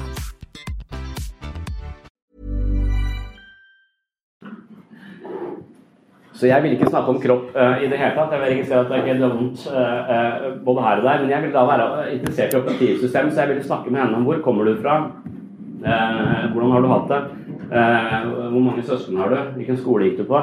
Og så kanskje vi finner ut at hun har hatt en vanskelig skolegang. Kanskje hun har blitt mobba både på barne- og ungdomsskolen. Og, og, eventuelt har fått installert et operativsystem som er skeptisk til andre mennesker, og hele tiden litt på vakt. Eh, så hvis du går rundt med et operativsystem som er litt på vakt hele tiden, fordi du har en erfaring på at andre mennesker kan virke hyggelig i første omgang, men bare vent, så kommer de kanskje til å jukse, manipulere, lyve eller ta meg på en eller annen måte. Så du skal alltid være litt på vakt. Og Hvis du hele tiden går inn i nye relasjoner litt på vakt, så spenner du kanskje kroppen din. Og hvis du gjør det over lang lang tid, over mange mange år, så er det ikke usannsynlig at det kan gjøre litt vondt på det her og der. Eh, og, og, dermed så kan man tenke at din kropp er såpass belasta pga. din mistillit til andre mennesker, så vi er nødt til å endre operativsystemet inni huet ditt. Eh, og inntil vi får en eller annen hjelm som gjør det, eh, med elektrokjemiske impulser, eh, så, så, må du bare ligge på den benken her, og så sier vi 100 timer psykoanalyse. Så da får du to timer hos Niklas, eller 100 timer på en benk hos meg. Det er ingen som får 100 timer, altså. Men, men det å installere nytt operativsystem i huet, det er en mye mer møysommelig prosess eh, enn to timer hos, eh, to timer hos Niklas. Eh, så jeg tenker det er eh, to helt forskjellige intervensjoner eh, på akkurat den samme eh, dama, den samme problemstillingen. Og, og, og, da tenker jeg psykoterapi generelt altså, Min favorittsetning når det gjelder dette med å, å forandre seg psykologisk sett, det handler om at eller, altså, Jeg sier at subjektet på ett nivå Eh, blir eh, objekt for et nytt subjekt på et høyere nivå. Altså, det er den psykoterapeutiske prosessen uansett hvordan man eh, hvilken innstilling man har til psykoterapi. Det handler om på et eller annet måte å være fanget av sitt eget operativsystem og lese verden derfra. Men i stedet, når det ikke fungerer optimalt, så må vi gå ett skritt tilbake. Vi må danne et nytt subjekt som observerer det gamle subjektet og gjør det om til objekt. Psykoterapi handler, Psykologisk behandling handler om å gjøre sitt indre liv til objekt for analyse. Og idet vi gjør det til objekt for analyse, så kan det være vi avslører noen algoritmer eller eh, eh, mønstre i vårt eget reaksjons, eh, våre egne reaksjoner eller relasjoner eller hva det skal være, som ikke er hensiktsmessig for oss, og så kan vi avsløre de og endre de. Det er i Freud igjen gjøre det ubevisste bevisst. Og Det er liksom det, er det vi, eh, vi, på en måte tenker at vi, eh, at vi gjør i psykologisk eh, behandling. Det handler om å, å, være mer oppmerksom på sitt eget indre, indre liv. Og dessverre så er det sånn det å være menneske betyr jo egentlig å korrigere seg selv ganske mye. For det er sånn Det, er et estimat rett og slett som Richard Carlson som mente at det, eh, det går 50 000 tanker gjennom et eh, vanlig hue i løpet av en dag. Jeg vet ikke hvordan han har funnet ut det. Det høres, altså, la oss si det er ganske mange, da. Og så er det, eh, er det andre som sier at det, det, er ikke helt uvanlig at, at fire av fem tanker er negativt eh, lada. Eh, og disse tankene som hele tiden går gjennom hodet vårt, det er de som forteller oss hvem vi er og hva vi bør gjøre. Men de er ikke stemmer som vi hører. Noen hører de, og de er på en annen avdeling. Men eh, litt lettere å forholde seg til, på en måte. Jeg hører de. Så. Mens, mens, de andre har de. De snakker til oss hele tiden om hvem vi er og, og vår egen verdi. og det er et ekko av de relasjonene vi har hatt tidligere. Så, så, og, og sånn evolusjonært så vil det være naturlig at mange av disse stemmene er litt kritisk innstilt, for det handler om overlevelse. Så de tankene og vurderingene du hele tiden gjør, altså hvis du, du blafrer noe i periferien der sånn, så er det lurere å anta at det er en løve enn en busk. For det, er, det å misforstå det er sikkert bare en busk, og så er det en løve, det er litt dumt. Så det er lurere å i første omgang tenke det er sikkert en løve. Fy, det var bare en busk. Eh, eh, for det, det, har sørget for overlevelse. Så det er veldig naturlig at vi, eh, vi krisemaksimerer litt for sikkerhets skyld for vår egen overlevelse. Og så bor vi kanskje i tryggere og tryggere eh, eh, verden, da, sånn at vi ikke har behov for å være så eh, på vakt hele tiden. Og da bør vi justere disse algoritmene som er med oss fra, fra steinalderen. Noen sier at damer har mer sånn negative algoritmer enn menn også.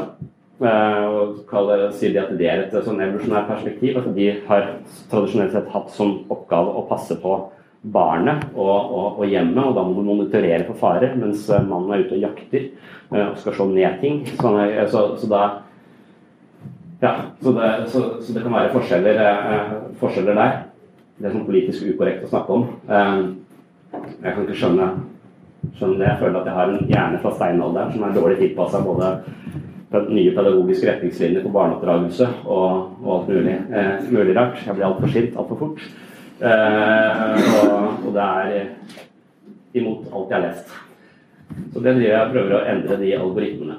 Eh, så når hun da kommer eh, til meg, så, så vil, vil, de da få en helt annen innfallsvinkel. Vi vil prøve å gjøre hennes indre liv om til gjenstand for analyse og se om det er noe i dette operativsystemet som sørger for at du ser verden på en måte som er anstrengende.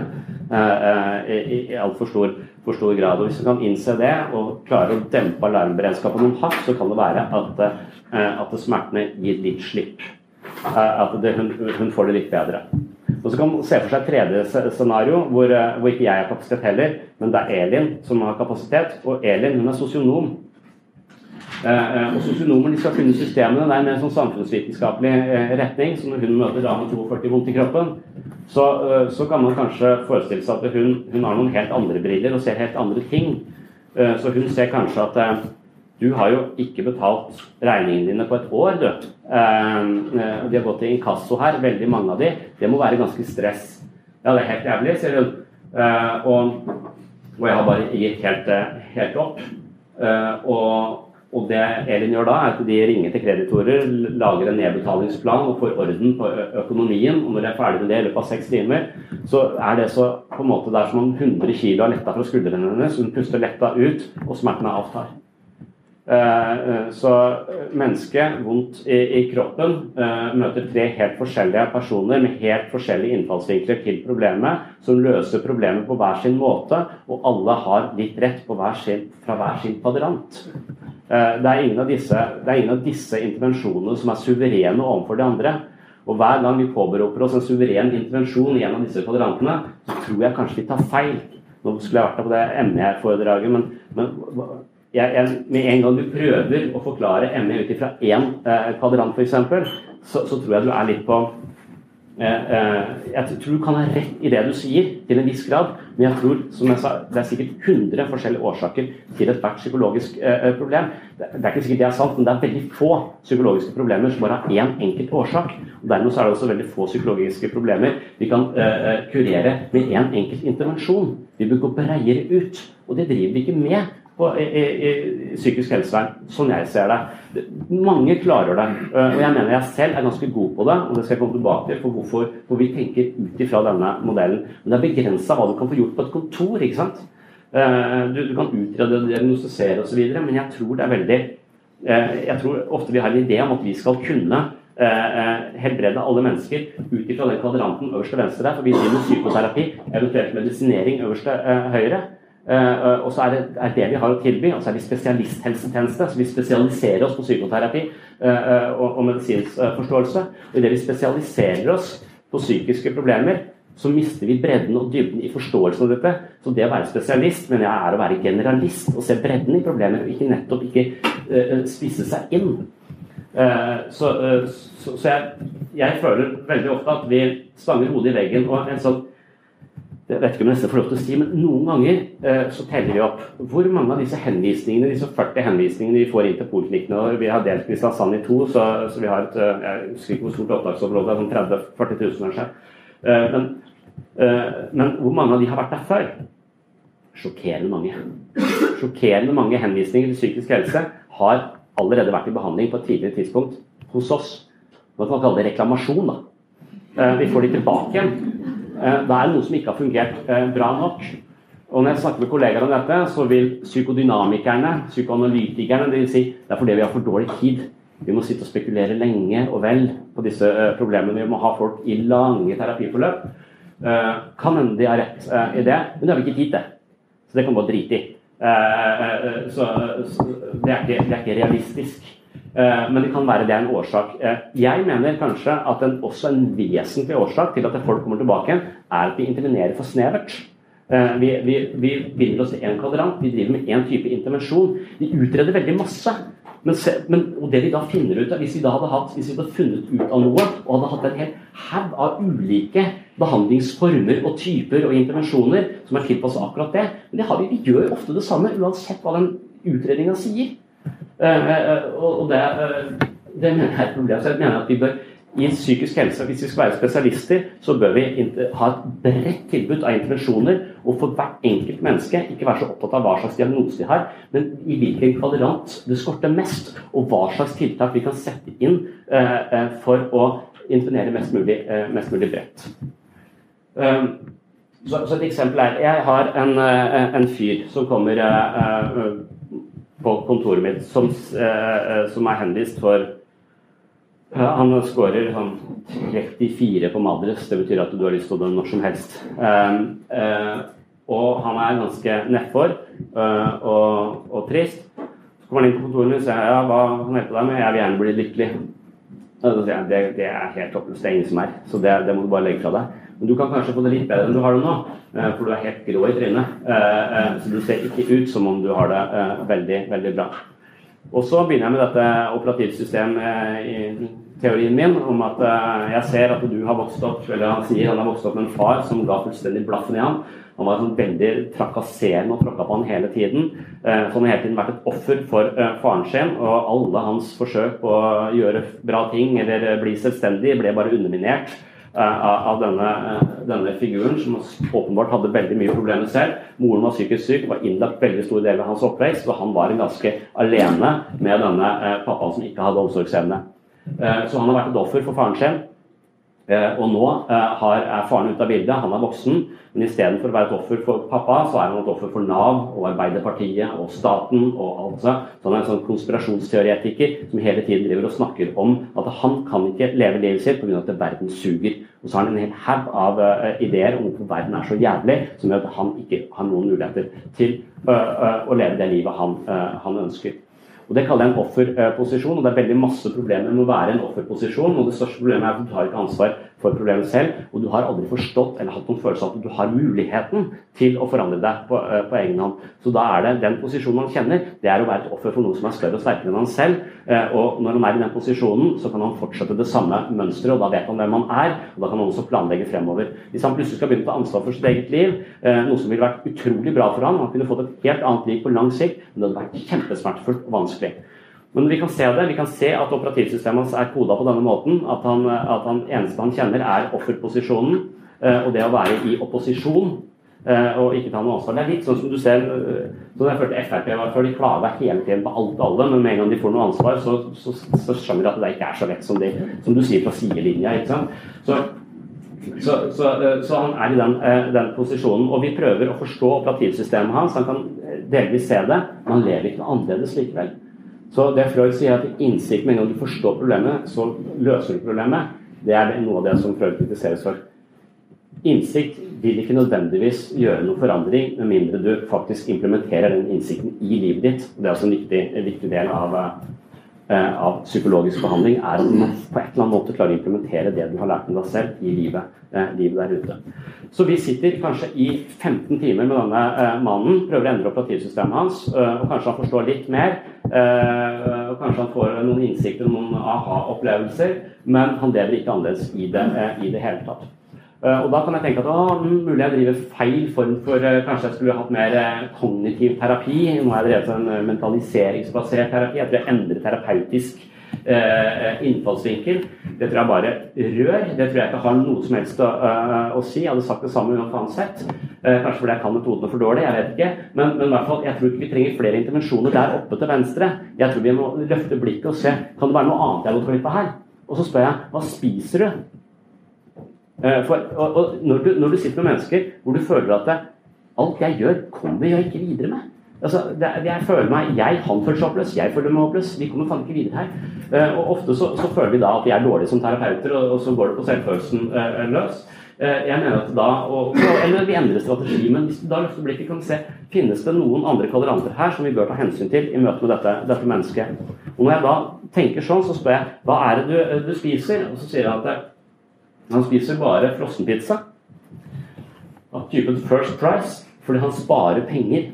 Eh, eh, fordi han flått i verden kommer til å gå til helvete ganske snart. Så han skal ha, ha masse sånne bortgjemte midler som han skal, og en bunker som han skal bo i når han er sånn doomsday prepper.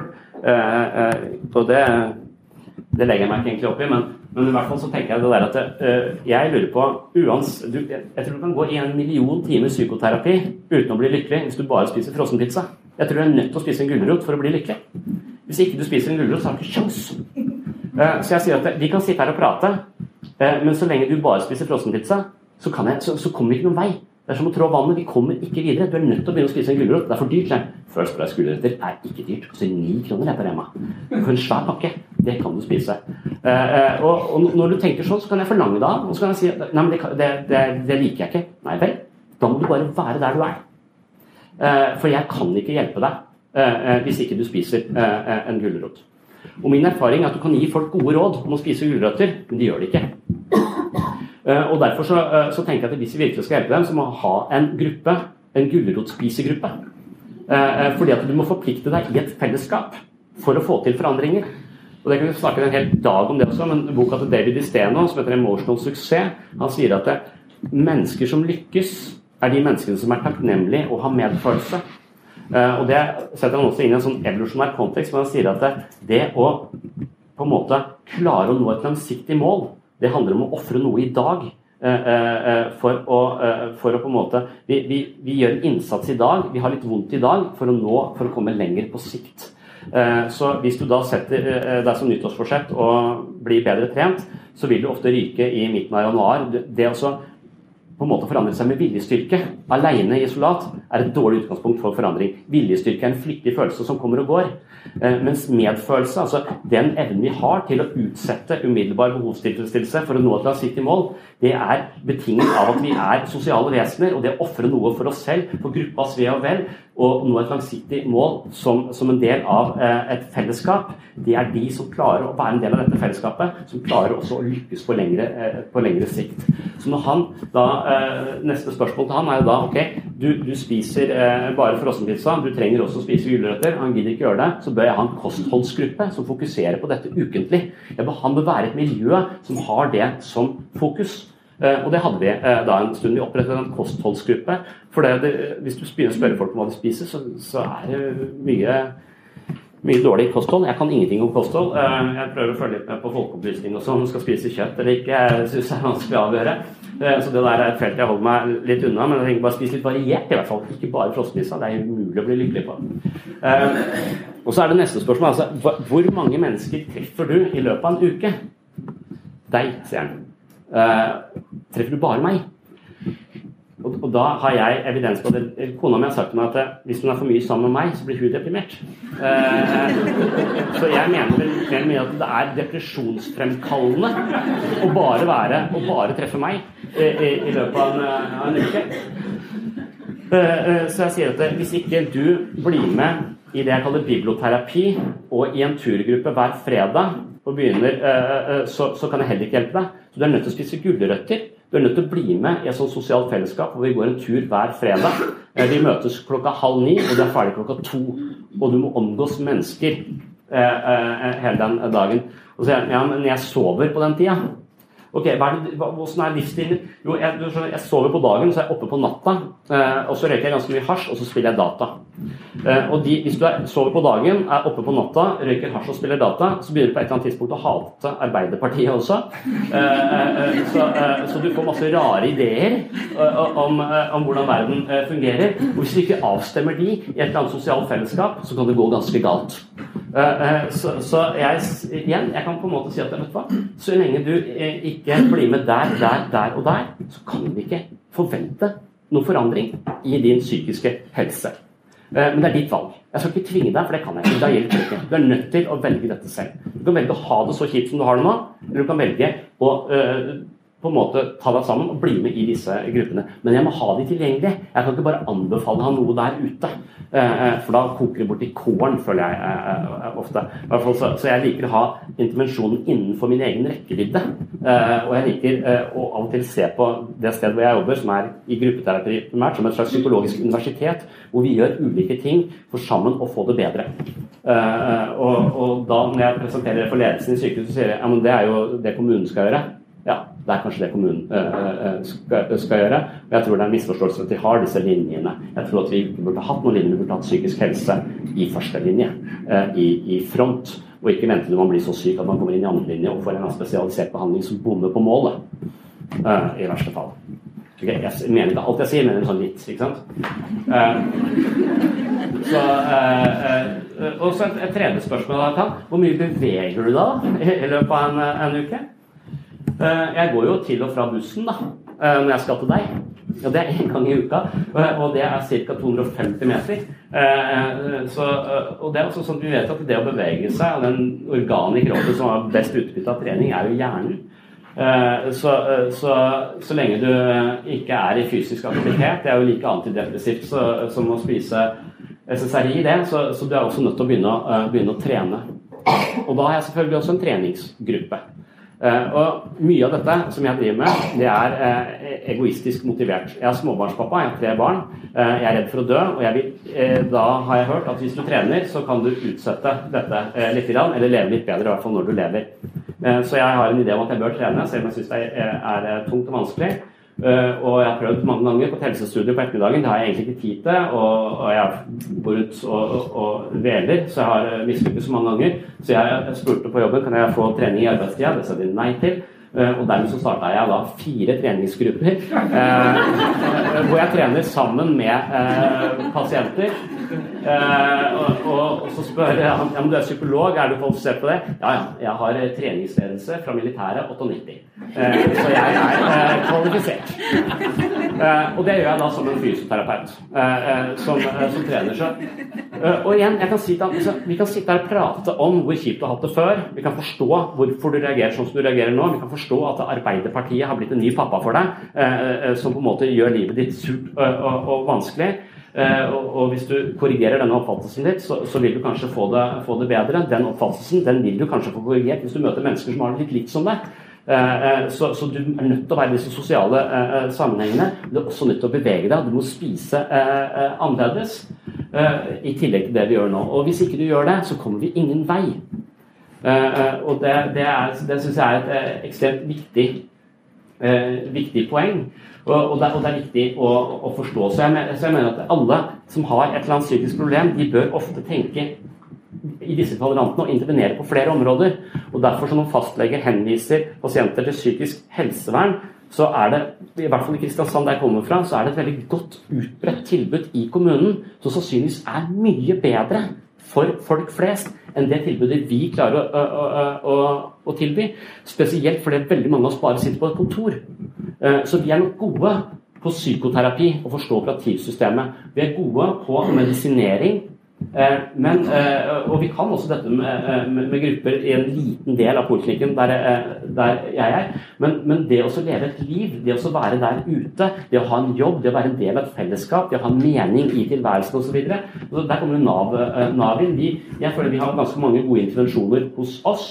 Men vi manglet også den evnen til å få folk fra oss til arbeidslivet. Men da fikk vi disse IPS-veilederne, altså folk som da spiser lunsj sammen med oss og har jobbbriller eh, på seg. Så de, de, kan sitte, de kan være med i noen av våre grupper. De kan forstå eh, eh, kompleksiteten i problemet og dermed ha større, et bedre utgangspunkt for å hjelpe disse menneskene inn i en, eh, en jobbsituasjon. Og spesielt når du skal hjelpe mennesker. og Da er det denne intensjonen der nede. Så når vi da har lege der oppe, psykolog der, vi har sykepleiere som er litt begge, begge steder. Vi har en fysioterapeut. Vi har en som tilfeldigvis er kostholdsekspert. Hun er egentlig sånn jobbspesialist og kostholdsekspert. Eh, eh, så, eh, så da, da, kan vi intervenere på flere områder for flere pasienter. Men i at vi har så mange, så må vi gjøre det i, i gruppe. Men gruppe er også et veldig potent på en måte fora for forandring. For det å føle seg som en del av et fellesskap som jobber mot et, et felles mål, det er veldig kurativt i seg selv. altså. Så så jeg slår et slag både for, for gruppen og så se, se bredden eh, i problemet. Og, og, veldig ofte kan vi ikke vi kan ikke avgjøre eh, eh prognose osv. ut ifra det ut ifra bare én kvadrant. Vi må se folk i flere, eh, eh, i flere settinger.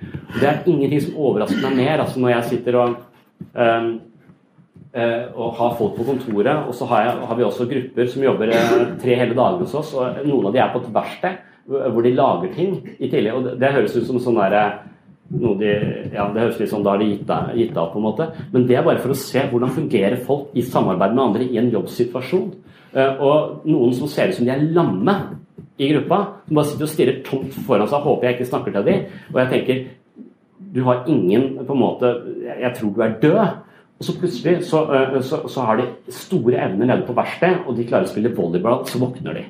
Så vi har en volleyballgruppe. Så du, du, må se mennesker på veldig mange forskjellige arenaer. For det er veldig kontekstspesifikt hva de klarer på ulike, eh, på ulike deler av, av livet. Og Hvis vi ikke tenker sånn, så tror jeg ofte vi blir sittende og, og, og gjøre ting eh, ut ifra en kvadrant som, som, ikke lykkes. Og Et eksempel på det kan være at hvis jeg sitter der oppe og tenker at jeg endrer operativsystemet eh, til folk, og så kommer det en fyr eh, som ruser seg en del, og så spør jeg hva, hva er problemet ditt da? Eh, problemet mitt er at jeg har ikke noe sted å bo, og så har jeg ikke spist på en stund, eh, og så er det en fyr med balltre som, eh, som skal ta meg. ok, men det er fint du kom hit, for det kan vi snakke om. Hvordan oppleves det av en fyr med balltre som løper etter deg? Ja, det, det, er skremmende. Ok, er han i nærheten nå? Så jeg vil helst ikke ha han inn på kontoret mitt, så jeg lurer på om så Jeg liker ikke folk med balltre, og jeg vil ikke være i nærheten av folk som kjenner folk med balltre heller.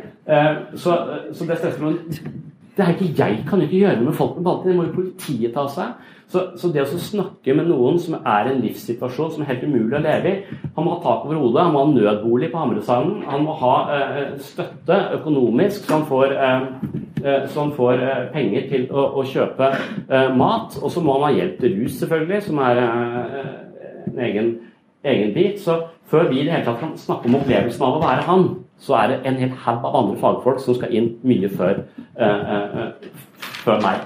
Men hvis jeg da er sånn ja, det hjelper å snakke om dette, og vi bare sitter og, og, og gnager på det, så, så, kommer vi ikke videre. For det er den nederst høyre kvadranten som er viktig å intervenere eh, i aller først. Eh, selvfølgelig. Og der har jeg en sånn forslag altså, Hvordan skal man stoppe å ruse seg? Det må jo ARA, eh, eller eh, rusbehandling, svare på. da.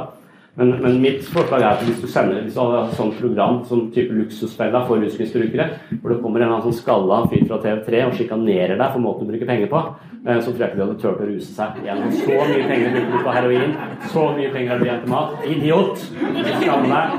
Så blir du så, så ydmyk og sånn Ja, greit, jeg skal slutte. Så det tror jeg har vært effektivt eh, for rusmisbrukere.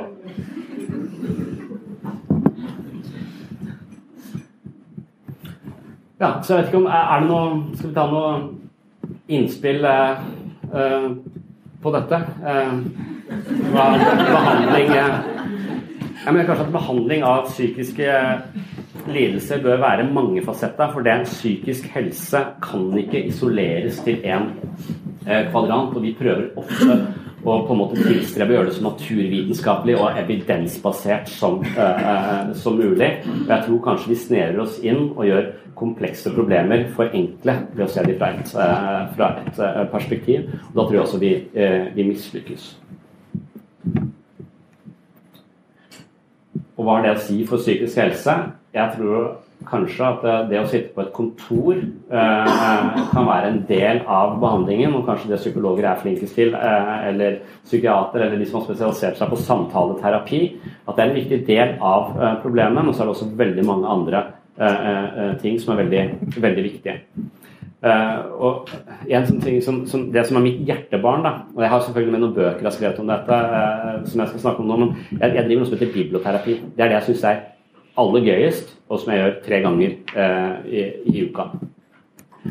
Og, og, da sier jeg til alle mennesker som er interessert i å få det bedre, de kan komme ned i dette rommet hver tirsdag, onsdag og torsdag fra klokka kvart over ti til halv tolv. Eh, og, og, hvis du skal komme dit, så bør du ha hørt denne podkasten eller bør lest denne artikkelen i forkant. For et av mine sånne prosjekter opp igjennom, det har vært å lese de 100 mest solgte psykologibøkene som er skrevet. Altså de mest solgte. Altså de bøkene som har hatt størst eh, appell til, eh, til, folk flest. Da. Så da har jeg lest mye, veldig mye bra, men også lest mye rart. Eh, jeg har lest, eh, jeg har Dr. Phil, eh, f.eks., eh, som er bare en sånn ekstremvariant av Ingvar Wilhelmsen, egentlig. Eh, Skjerp deg alle sammen. Litt sånn som jeg kanskje kan virke.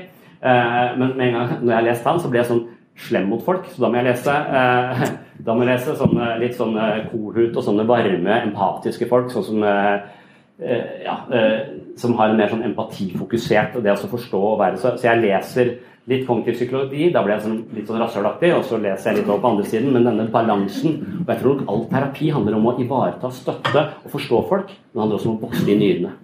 Eh, for hvis ikke du bokser de nyrene, så kommer det ingen forandring til. Mange av disse menneskene skal gjøre ting som er de har unngått over veldig lang, over veldig lang tid. Og det å forstå det, det er ikke sånn intuitivt. Jeg tror at de store mytologiene forteller oss at, at det å få det bedre handler egentlig om å kanskje møte trollet, som er sånn typisk metafor på det. Jeg husker Robert Bligh har skrevet om dette i Iron John, som er en sånn uh, mannebok. Eller, men det jeg husker best fra denne boka, er at det, uh, han er sånn mytolog, sånn jungiansk inspirert. Han sier at det, i de fleste fortellinger så vil havet eller vann vil symbolisere bevisstheten. Og i vannet så er det alltid et eller annet sånn ekkelt underfundig som kan komme til å ta deg. Det er noe som blir spist av en hval. Jonah, f.eks. Uh, Pinocchio finner faren sin inn i hvalen. Hva, hva, betyr det? Uh, så det er et eller annet monster nede i dette, uh, dette havet. Og i hjernen hans, da, som er den fortellingen om han lille gutten som mister gullballen sin ned etter tjernet, så, så ser han ned i tjernet der for å, for å, få tak i gullballen, så må jeg svømme, dykke ned. Det er masse hår, det er mørkt, og det er mye faenskap i dette tjernet. Så du har helst lyst til å la være. Og så sier, sier jo Robert Bligh at alle mennesker har et sånt tjern inni seg som er mørkt og skummelt og jævlig. Og mange av oss prøver å bevege oss så langt det, utenfor dette tjernet som mulig. Vi lever i periferien av dette eh, og går så langt utenom som vi bare overhodet eh, klarer. Og du kan leve greit sånn en stund, men på et eller annet tidspunkt så kommer du litt for nærme. Og da kommer en hann opp fra dette tjernet og drar deg ned. Og det er depresjonen. Så med viten og vilje så skal du gå bort til ditt indre kjern, stupe nedi, stupe ned det og svømme gjennom det for å svømme opp på andre siden. Andre vi, vi, bør, vi bør møte våre egne demoner. Det tror jeg egentlig handler om å være mer oppriktig. Det handler om istedenfor å si ja når du mener nei, tørre den konflikten der og da, selv om du kanskje Det handler om disse, alle disse små tingene vi unnviker for at vi gjør det litt bedre nå, men på lengre sikt så kan det kulminere i et ganske stort problem. Eh, så det å være litt konfliktsky og, og, og litt usikker osv., det gjør at vi ofte bare manøvrerer oss unna alle ubehagelige eh, situasjoner til vi sitter med et kjempeproblem. Det er veldig få mennesker som har ett stort problem. Det er ofte kulmineringen av alle disse små unnvikelsene underveis liksom, fram til det eh, til at det blir et virkelig stort problem og du havner i psykisk, psykisk helse. Det å bli alkoholiker er jo ikke noe Når ble du alkoholiker? Det var forrige mandag, og så var det, var det tirsdag før der, og så var det hele uka forrige uke, og så var det hele sommeren. Så uh, ja, jeg kan, jeg kan, fortelle deg når jeg ble alkoholiker, men det tok veldig lang tid. Uh, så, uh, jeg, jeg, håper ikke jeg er det, altså. Men, men, det er jo ikke én drink som gjør det til det er alle disse små, små, små tingene. Så det også, uh, Mitt prosjekt er med å lese de 100 mest solgte psykologibøkene. Det var at Jeg er interessert i hva har de uh, klokeste filosofene, psykologene, uh, sosiologene for sagt om å leve best mulig? Hva er de beste ideene vi har om å leve et best mulig liv? jeg mistenker at folk har snakket om det, disse tingene i bibelgrupper. Det er bare på Sørlandet, tror jeg, vi tror på, vi tror på religion. Der er det fortsatt bibelgrupper. Jeg har vært i en nå i fem år. Jeg mener den ligner det jeg kaller biblioterapi. Bare at den forplikter deg til å tro på masse mye annet rart eh, som ikke passer med vår, eh, vår tid. Men, men, det jeg føler vi gjør da, vi, vi har en uh, arena hvor jeg har skrevet, jeg har oppsummert disse bøkene i to-tre sider. Så jeg har lagt ut på en hjemmeside som heter Webpsykologen. Og så har jeg prøvd å skrive hva sier denne boka, og så prøve å formidle det til folk flest. Og så har jeg tenkt hva denne ideen her, hva sier den om å leve best mulig, og kan vi bruke den i vårt eget liv? Så dette er en slags studiegruppe, uh, og det er uh, en gruppe hvor, hvor det er ganske høyt under taket. Det er veldig interessant å være. Masse, vi leser en tekst, og så får vi masse innspill på dette, og det er et verktøy for å begynne å tenke innover. Alle disse 100 bøkene har sagt noe, har satt et språk på vårt indre liv som, hvis vi ikke har det språket, bare ligger i skyggen og styrer oss uten at vi vet, uh, det. Så det å få mer språk på dette her, det å sitte i grupper hvor vi snakker om disse tingene, uh, det, det syns jeg er uh, bare, det synes jeg selv er veldig interessant. Og jeg føler også at veldig mange mennesker får mye ut av det. Og jeg driver også en podkast som heter Sinnsyn. Hvor jeg får veldig masse tilbakemelding fra folk rundt som sier at å, det er godt å høre du snakker om det og sette ord på det. Det hjalp meg til å forstå det, det og det. Så, så det å drive en sånn type sånn folkeopplysningsaktig greie, eller bare si ha en arena for det jeg kaller et metaspill Ikke bare jobbe mest mulig eller eh, tjene mest mulig penger for å, for å få det best mulig, men også en arena hvor vi ser litt innover og forstår det som foregår eh, på innsiden, for å se om vi kan justere kurs. Så, eh, så istedenfor å se da psykisk lidelse som en feil med deg, så kan du se psykisk lidelse som et tegn fra ditt eget indre dyp på at du ikke lever på den måten som er best egnet for deg. Så du er nødt til å stoppe opp og gå ned i dette tjernet. Og Grunnen til at det er ubehagelig, er at vi da er nødt til å revurdere en del av de oppfatningene vi kanskje har om oss selv, en del av de følelsene vi har unngått, som vi syns er uakseptable osv. Og, så og det å tåle flere følelser, selvutvikling, føler jeg handler om mer sorg og mer mer det handler om å styrke til å tåle flere følelser, istedenfor å bruke masse energi på å unngå, uh, unngå dette her. Og mytologiene forteller oss at det er det vi må gjøre. Uh, vi, men det er ikke intuitivt. Mange mennesker tenker at nå har jeg det så jævlig, og jeg skal ikke ha det jævligere ved å komme til deg. Jeg skulle få det bedre. Det er det du har gjort hele tiden. Lidelse kronifiseres i flukten fra lidelsen. Så du må stoppe opp og møte lidelsen. Du må få det verre uh, før du kan få det, få, få det bedre. Så, så mange sier jeg har hatt det jævlig hele livet. altså Det er ikke noe nytt for meg, dette her. Du har flyttet ifra smerten hele, uh, hele livet. Nå skal vi stoppe opp og møte det. Uh, det kan om mulig uh, bli mye, mye verre. Og der er jeg liksom jungiansk inspirert. ikke sant? Jung sier at uh, inntil tre vokser inn i himmelen med mindre det er røtter i helvete. og så sier han også at det du trenger mest, det finner du der du har minst lyst til å leite. Eh, og det tror jeg det er noe eh, eh, klokt i. Så det å være terapeut og venstre der, det handler om å vise folk vei litt innover. til, de, til de monstrene de selv ikke har turt å konfrontere. men det er bare en bitte liten del av det å få det, få det bedre. Så de bøkene jeg har med, hvis noen er interessert i å ha med noen få, eh, så, så, om, eh, så er de min oppsummering av litteraturen på området, og også da til sammen 50 øvelser på hva du kan gjøre for å sette disse ideene filosofer psykologer har hatt om å leve best mulig, ut i livet. For vi må også gjøre noen øvelser. Vi er nødt til å implementere den innsikten i, eh, i livet. Det er kalt biblioterapi. Det handler om at vi leser noe, men også gjør en øvelse eh, hjemme. Har fokus på noe, er bevisst noe i løpet av uka. Så vi kan lære oss noe nytt på måten vi lever på, som har ført oss inn på et eller annet blind, eh, blindspor. Og det å tørre å sette folk da sammen eh, i grupper det tror jeg det er mye å hente på. For det første så øker vi har tid til å møte folk individuelt. Og så tror jeg det tar litt lengre tid enn ti minutter, et kvarter, å få folk til å endre kurs. Så jeg har veldig troa på at vi kan sette folk sammen i, i, større, uh, i, større, grupper og få en ganske stor effekt ut av det. Jeg ser så dårlig, jeg ser ikke klokka der borte. Er den ti år, halv fem eller Er den tolv, eller? Du har ti minutter igjen. Ja.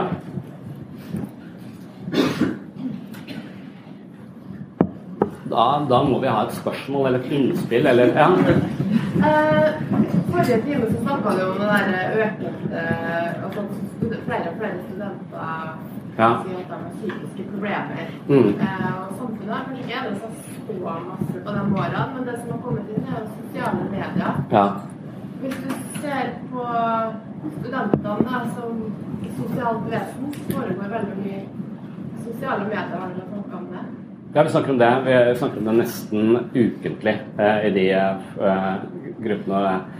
Annet Kristen Harris, som tidligere jobba i Google. Så har disse estimatene på at vi sjekker mobilen 150 ganger i løpet av et, eh, av et døgn. I forhold til utviklingspsykologi også, som jeg sa, jeg har vært hjemme med, med, barn selv. Hva vil det si at jeg hele tiden tar oppmerksomheten min vekk fra min egen eh, datter? Hvis, eh, mange har sett den derre sett denne speilingsvideoen med dette barnet som moren sitter og snakker med og er helt i kontakt. De er, de, er, i kontakt, og så er dette stillface. Moren blir bare borte.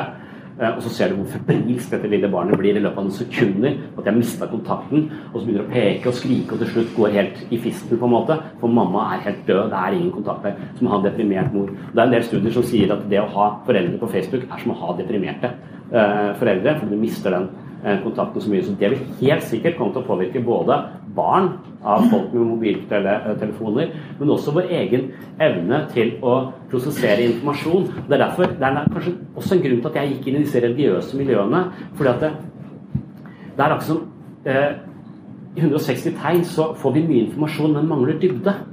Eh, og jeg tror derfor altså, er sånn, litt sånn jungiansk, snakker i litt sånn, sånn religiøst halvjungiansk språk noen ganger. Jeg mener det representerer noe litt annet enn denne overflateinformasjonen. Eh, og jeg tror også at både drømmer og mytologi forteller oss noe viktig i fortetta form, men det er ikke umiddelbart, det er ikke lett tilgjengelig for oss.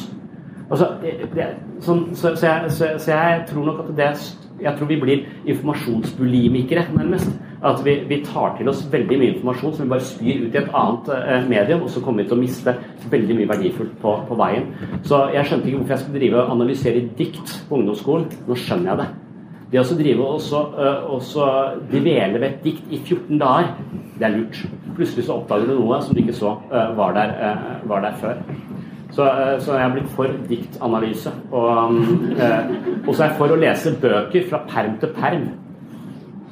Eh, og ikke bare eh, korte eh, informasjon på, på Twitter osv. Så, videre. så jeg er helt sikker på at det der er et, noe, som, noe, som, vi virkelig er nødt til å justere oss etter på et eller annet tidspunkt.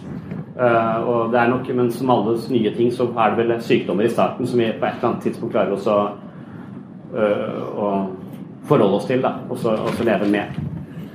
Men, men det, den der interessen min for, uh, for, Joseph Campbell Jeg vet ikke om du vet om han er sånn mytolog, han er død nå, da. Eller også Jordan Peterson blåser liv i dette uh, nå med, med, mytologi og fortellinger osv. Men etter hvert som jeg har lest mye av det, så, så ser jeg at det, det, som foregår på Netflix, av og til forteller meg ting på et helt annet plan. Jeg så akkurat It, f.eks. Har du sett den filmen? It, det er Stephen King. Det har kommet en reproduksjon av den nå. Er det bare sånn latterlig grøsser? Eller fortell den, den, den virker for meg sånn Når du ser den Her er det en masse uh, små uh, barn uh, som, som, har vanskelige ting i livet. En er seksuelt misbrukt, en har en mor med OCD og er livredd for bakterier.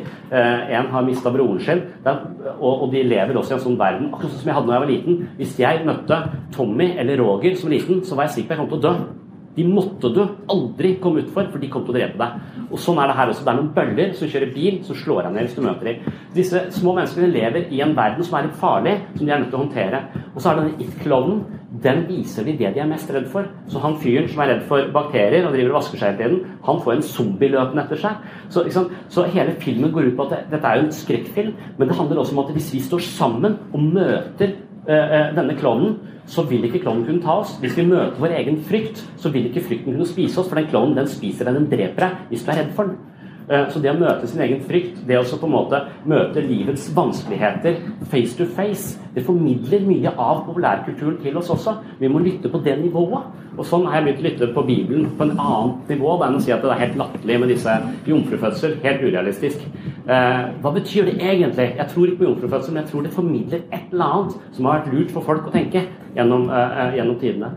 Så, så jeg tenker av og til at sosiale medier sånn er, er, det motsatte av dybde, og at det gjør oss overfladiske og dumme, selv om vi får mer informasjon.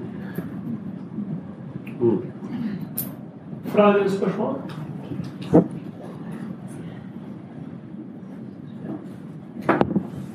Ingen som tar Ett spørsmål til, så går det jo fem minutter til.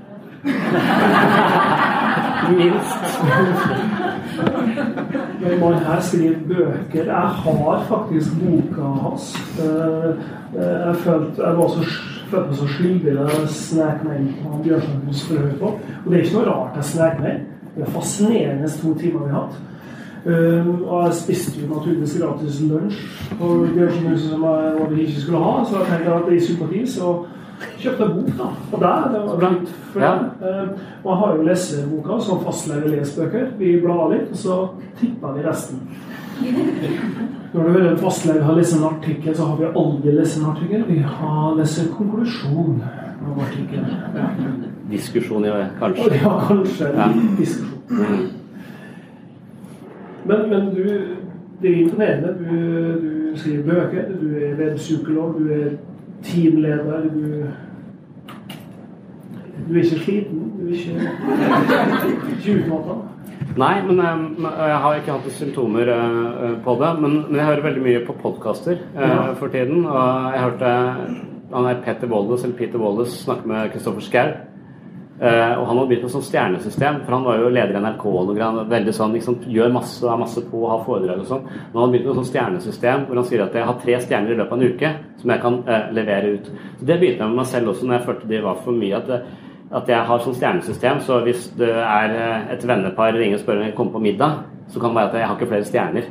For det er en situasjon som er litt anstrengende for meg. Mm. Så, og hvis jeg har brukt opp stjernene denne uka, så har jeg det på den, på den måten. Så det er som jeg kan jeg liker veldig godt den samtaleformen. Jeg syns også at podkaster er en litt sånn Det at Joe Rogan f.eks. når lenger enn eh, CNN gjør eh, ved å legge ut en podkast hvor han snakker med Yuval Noah Harari i tre timer om Sapiens og denne boka.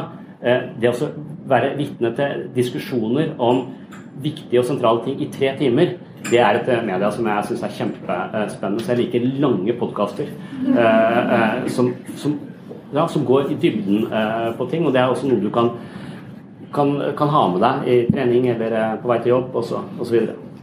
Mm. Ok. Uh, mer podkast, min Twitter. Ok, mm. Da tar vi lunsj. Uh,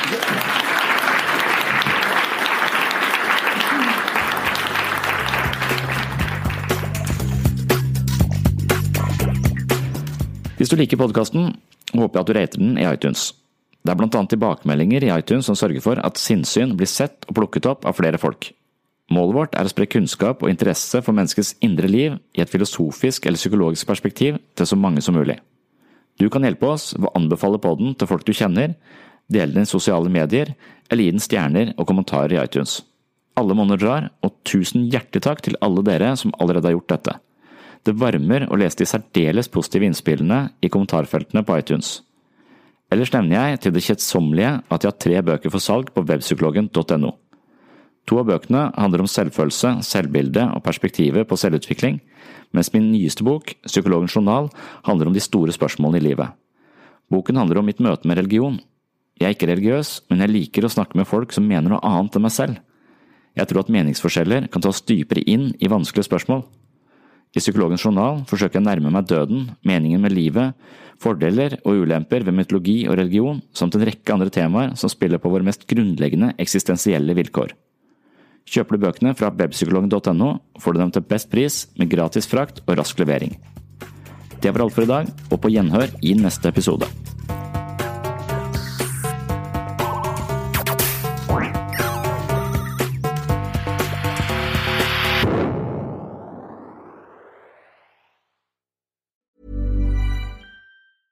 Even when we're on a budget, we still deserve nice things. Quince is a place to scoop up stunning high-end goods for 50 to 80% less than similar brands. They have buttery soft cashmere sweaters starting at $50, luxurious Italian leather bags, and so much more. Plus, Quince only works with factories that use safe, ethical, and responsible manufacturing. Get the high-end goods you'll love without the high price tag with Quince. Go to quince.com/style for free shipping and 365-day returns. Hold up. What was that? Boring. No flavor. That was as bad as those leftovers you ate all week. Kiki Palmer here, and it's time to say hello to something fresh and guilt-free. Hello Fresh. Jazz up dinner with pecan-crusted chicken or garlic butter shrimp scampi. Now that's music to my mouth. Hello Fresh. Let's get this dinner party started. Discover all the delicious possibilities at hellofresh.com. Even when we're on a budget, we still deserve nice things. Quince is a place to scoop up stunning high-end goods for 50 to 80% less than similar brands. They have buttery soft cashmere sweaters starting at $50, luxurious Italian leather bags, and so much more. Plus, Quince only works with factories that use safe, ethical, and responsible manufacturing. Get the high-end goods you'll love without the high price tag with Quince. Go to quince.com/style for free shipping and 365-day returns.